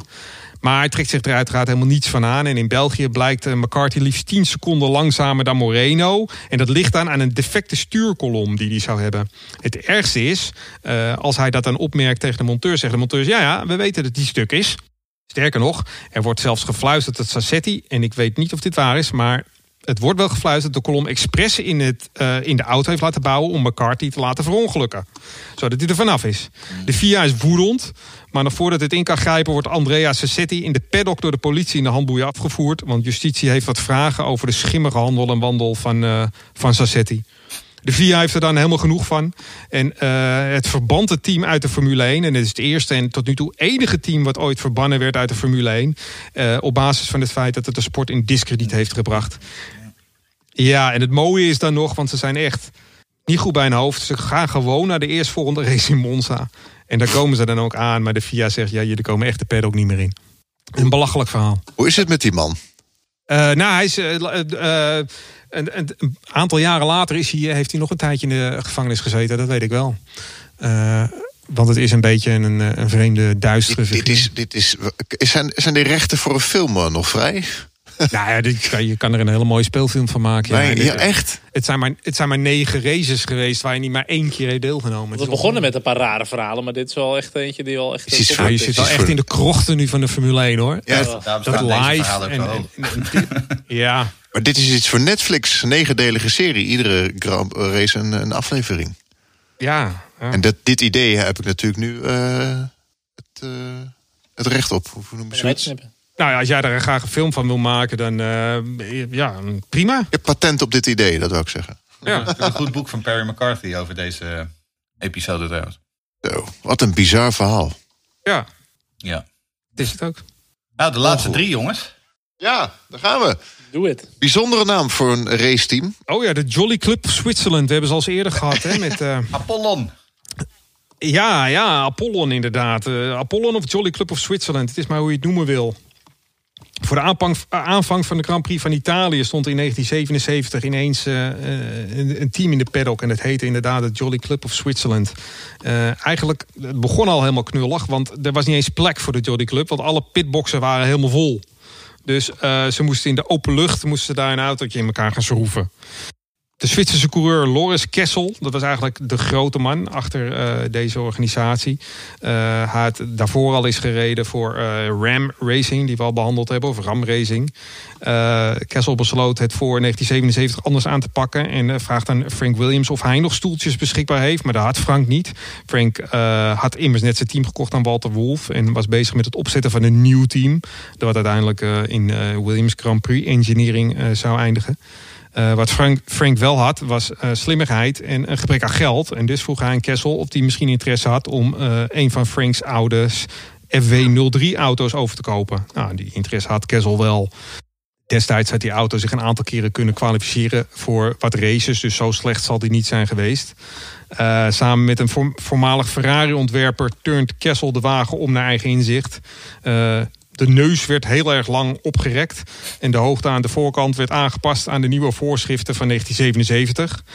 En uh, Kessel noemde de wagen, daar komt hij, de Apollon Fly. Apollon naar de sponsor, dat is een farmaceut. En Fly naar de wagen van uh, de garage van uh, Caliri, de oud Ferrari-ontwerper die Kessel helpt, hielp. Daarna benadert Kessel het raceteam de Jolly Club of Switzerland voor een samenwerking, zodat hij zich onder die naam kan inschrijven. Nou, uh, in België zou de Apollon Fly dan debuteren, maar logistieke problemen voorkwamen dat. Uh, dezelfde problemen voorkwamen ook nog eens een debuut in Frankrijk, in Oostenrijk of in Nederland. Blijkbaar lukte het ze maar niet om die auto's op de goede plek te krijgen. Maar Monza was het dan wel zover. Weliswaar zonder een pitbox in de open lucht, maar met een auto. Daar stond de Jolly Club of Switzerland aanwezig bij een heus Grand Prix weekend. Uh, kwalificeren ging niet helemaal goed. Kessel reed met een 1.46.6, uh, waarmee hij 33ste en laatste werd. Dikke 3,5 seconden achter Hans Binder in de Penske, die uh, 32ste werd. Hans Binder. De vader van René. René Binder. Ja. Uh, ja, nou, hij reed in ieder geval in een Penske en hij werd 32ste. En als je daar dan nog eens 3,5 seconden achter komt, dan ben je bijna lopend gegaan, denk ik. Jaren later noemde Loris Kessel zichzelf in een interview een dromer die uiteindelijk nog trots op zichzelf kan zijn, omdat hij met een eigen team op de grid is verschenen. Formeel gezien was het eigenlijk helemaal niet zijn eigen team, want het heette Jolly, uh, Jolly Club of Switzerland. En hij heeft er ook eigenlijk helemaal nooit mee op de grid gestaan. De grid. Nee, dus eigenlijk. Hij kan het wel over zichzelf zeggen, maar het is niet zo. Uiteindelijk uh, stierf hij op 60 jaar geleefd aan een gevolg van leukemie. Dat is dan weer jammer. Ach, dat is allemaal weer terug, inderdaad. Ja. Nou, of hebben we er nog twee? Nog twee. Nog twee nog teams. Twee. Oeh, wie staat er aan nummer 1? Ja, die mag jij zo meteen doen. Jij de nummer 1, jongen. Jij mag nummer 1 doen. Ja. Wie kan het nu al gokken? Die zit te luisteren, jongens. Ik ben benieuwd. We hebben er nog eentje uit Duitsland. Willibald Kausen. Uh, Ach, Willy. Willy. Willy.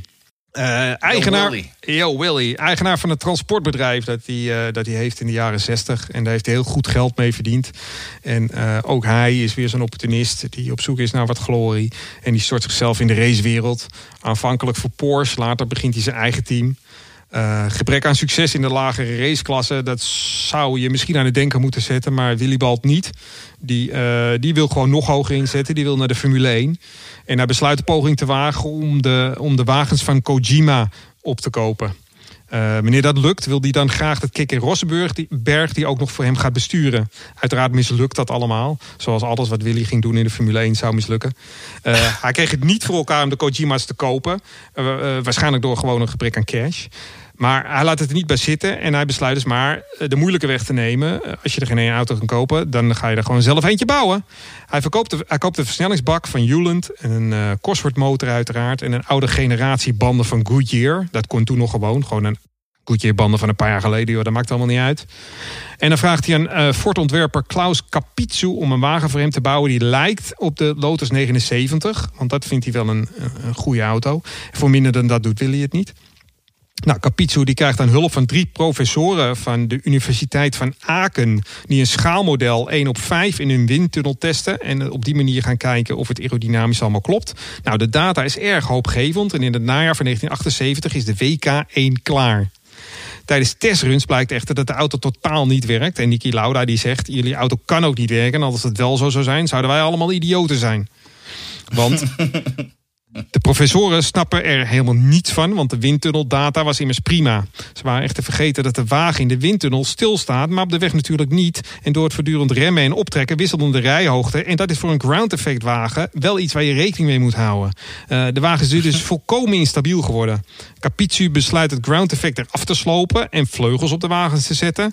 En inmiddels lijkt de auto dus ook helemaal niet meer op de Lotus 79. Alleen heeft Willy er tegen die tijd al 400.000 Duitse marken doorheen gejaagd en heeft nog 0 meter gereden.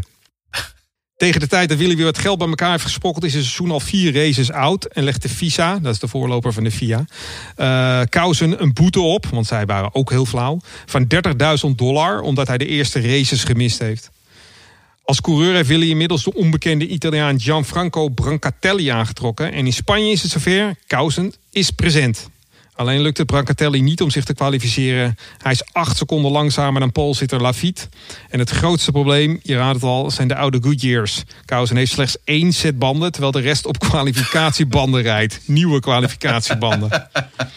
Twee weken later, maar geeft niet op, staat Willy opnieuw op de grid. Ditmaal in België, op het circuit van Zolder. Alleen wordt het team geplaagd. de banden. Uh, ongetwijfeld.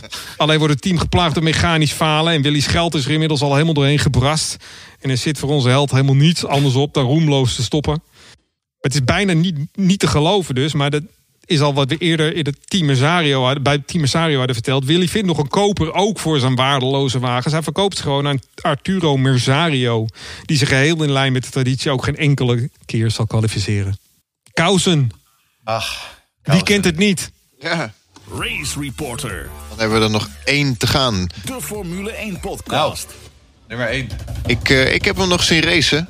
Heb je niet een uh, speciale roffelknop daar ergens Uh, op een van die... Ja, Auw, dat is een goede roffel. het is echt een roffel is dat. ik, Ja.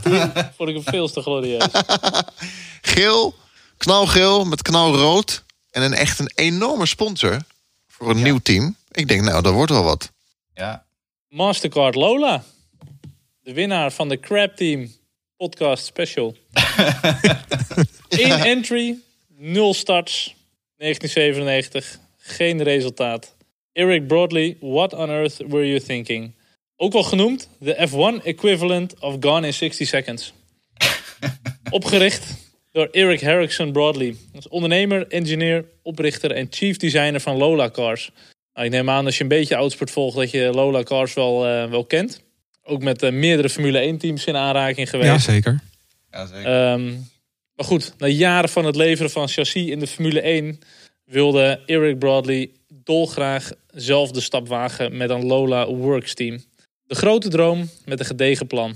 Eh Reinhard, Lola en Dallara waren in de jaren 90 de toonaangevende merken in de chassisbouw voor de autosport. Ehm, eveneens hebben ze inderdaad al gewerkt met NBC Hill, met LaRousse, met Scuderia Italia. Ehm, eerste voorbereiding al vanaf 1994 om het volledig zelf te gaan doen. Ze wilden niet meer afhankelijk zijn van andere teams en hun ellende.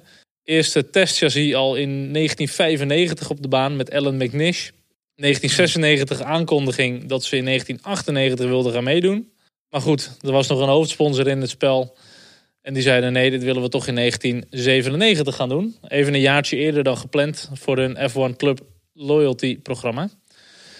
Dus die auto die heeft nooit een windtunnel gezien. Amper tracktime gehad voor testing. Het chassis de T9730. In plaats van hun eigen ontwikkelde motoren die ze er graag in wilden leggen, de Lola V10, moesten ze wegens tijdnood genoegen nemen met een V8 Ford. En dat is een motor die zelfs nog twee specificaties ouder was dan de motor waarmee Jos Verstappen in 1997 bij Tyrrell mee reed. Nou, dat wil wel iets laten zien over hoe Jeetje, mina. outdated dat ding wel niet was. Maar goed, aangekomen in, eh, in Albert Park, Melbourne. In de kwalificatie ook maar liefst 11 en 13 seconden te langzaam. En niet eens in de buurt van de nieuwe 100% of 107% regel die zijn intrede had gedaan dit seizoen. Oftewel geen deelname aan hun eerste Grand Prix. Maar goed, het kan gebeuren. Er zijn wel meer teams dat dat wel eens hebben gehad natuurlijk. Ja. Maar goed, personeel, auto, alles richting Brazilië. Totdat inderdaad eh, Mastercard aangaf van jongens, wij trekken onze bijdrage aan het team terug. Het loyalty programma een creditcard was leeg. creditcard was leeg, ja. Het schijnt zelfs dat eh, de slogan van Mastercard... There are so- some things money can't buy. For everything else, there's Mastercard. Ja. Dat ze dit hebben bedacht na, na dit Formule 1 avontuur met, eh, met Lola. Goed, wegens technische en financiële problemen...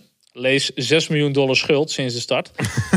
was het avontuur weer voorbij voordat het echt was begonnen. Dus het personeel die al eh, richting Brazilië was met de auto... die kon eh, dan weer een weekend vertoeven in de pitbox...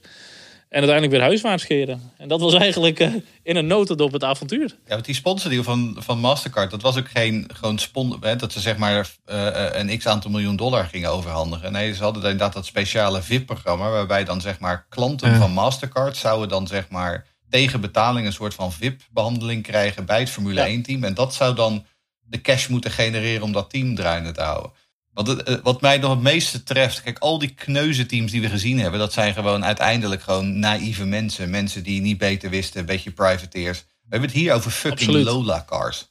Ja. hoe die, Ja. hoe Ja. die hun hele bedrijf, want, want na, hierna ging Lola gewoon failliet hè. Die hebben hun hele Absoluut. bedrijf gewoon op de bonnefooi gegooid en, en, en op, de, op de brandstapel gegooid. Voor een volledig ondoordacht avontuur. Ehm, Ja. En ja, Andrea Moda is Ja. belachelijker en Live is ook belachelijker. Maar dit is denk ik wel de grootste schandaal uit de Formule 1. Het is gewoon de grootste flop gewoon. Ja, echt. Lola. Cars is hierna inderdaad overgenomen door Martin Burain, een Ierse zakenman. En die heeft Lola nog tot 2012 gerund. En daarna is het volgens mij eh, echt actief verdwenen uit het autosportlandschap. Ja. Dus het heeft gewoon alles helemaal naar de get Ja. vergeholpen. En dat voor één poging tot deelname aan een Grand Prix. Ja, dat is een hele mooie droom die hij had. Echt maar het heeft wel alles gekost eh, in dat opzicht. Ja, dat is eh, met recht eh, het crap team van de Formule 1, denk ik. Ja, vind ik wel. Ja, zeker. Ik denk dat, eh, ja, nou, vind ik wel. Maar wel de potentie om echt iets ervan te maken. Ja, maar dat hadden wel meer teams. Ze hadden wel Ja. potentie. En uiteindelijk, eh, Nou ja, Vincenzo. Vincenzo Sospiri, Formule 3000 kampioen. Die heeft eh, één eh, Grand Prix weekend op zijn naam. Ja. Dat is het. Ach ja. Nou boys. Ik heb eh, genoten. Het was een, eh, een lange rit. Ehm, mooie, mooie verhalen, minder mooie verhalen, trieste verhalen. En dan is de vraag, zou er nog een crap team bij komen? Want we hebben Ja, goeie natuurlijk nog US F1 gehad. De, dingen zoals Stefan GP. eh andere, Stefan GP, eh, ja. Goed, ook met, met, met het Rich Energy voor hetzelfde geld had die gast ook zelf zomaar een team opgestart. Maar tegenwoordig ga je het niet zomaar meer, meer zien, denk ik. Nou, maar zijn, Ik- zijn er nu Formule 3 teams waarvan je denkt die zouden de sprong kunnen wagen? Het het punt is dat die, Nee. die sprong is tegenwoordig zoveel, zoveel groter dan Ja. het toen was. En, en, inderdaad, Ja. en de Ja. regels zijn strakker. Dus je moet gewoon nu gewoon kunnen, zeggen, kunnen aantonen dat je 100, 150 miljoen dollar eh, beschikbaar hebt voor de komende drie seizoenen. Bij wijze van spreken. Ja. Oh, je, moet, je moet sowieso al een stevige eh fee betalen om deel te mogen nemen, Borg. Exact, ja. Ehm, eh, maar ja, goed. Als de budgetcaps er inderdaad komen, dan wordt het wel iets makkelijker om in te stappen. Eh, maar een team als, als Haas, wat natuurlijk het meest recente nieuwe team is. Ja, dat is natuurlijk in niks te vergelijken met de teams die we net hebben opgenoemd. Die Nee. komen met een, met een businessplan en die komen met backers en die komen met Ja. heel veel ervaring in de, in de autosport. Dus ja, Overigens wel knap van Haas hoor. Dat die wel als nieuw team een model hebben gevonden waarmee ze wel relatief succesvol kunnen zijn. ja. Mm. Tegen niet al te veel je- kosten als je het aflegt tegen de andere teams. Maar je vraagt je af waarom, hè? Want, want de huidige Formule 1 is gewoon zo gestructureerd dat je gewoon geen kans hebt op een podium. Nee. Eh, gewoon alle, al, geen enkel team behalve die drie. En eh, dan, dan vraag je wel eens af, ja, waar, waar, waar begin je aan? Ja, nou, zelfs Williams glijdt bijna af naar een, een crap team. Maar goed, die heeft zoveel historie, zoveel succes. Ah, Maar als je dat al ziet, die kunnen nu gewoon al, al totaal niet meekomen. Maar Williams is ook eh, in een Grand Prix 2, 2,5 seconden langzamer dan de Mercedes'en. En dus staan ze helemaal achteraan. Ik bedoel, in die tijd had je gewoon... eh, Ik bedoel, al, nog in de jaren 80, 90 was al Ayrton Senna soms gewoon een seconde sneller eh, dan de nummer Ja, 2. ja. En de nummer 6 Ja. stond al op 2,5 seconden achter de pole position tijd. ja. Weet je, het zit ook zoveel dichter bij elkaar nu. De, de, de lat ligt zo hoog tegenwoordig. Het is Ja, zo Maar competitief. toch, want jij noemt nu Frank Williams. Maar Frank Williams is eigenlijk de enige van die jaren 70 teams... die allemaal begonnen zijn met kitcars en met eh Ja. Cosworth motoren.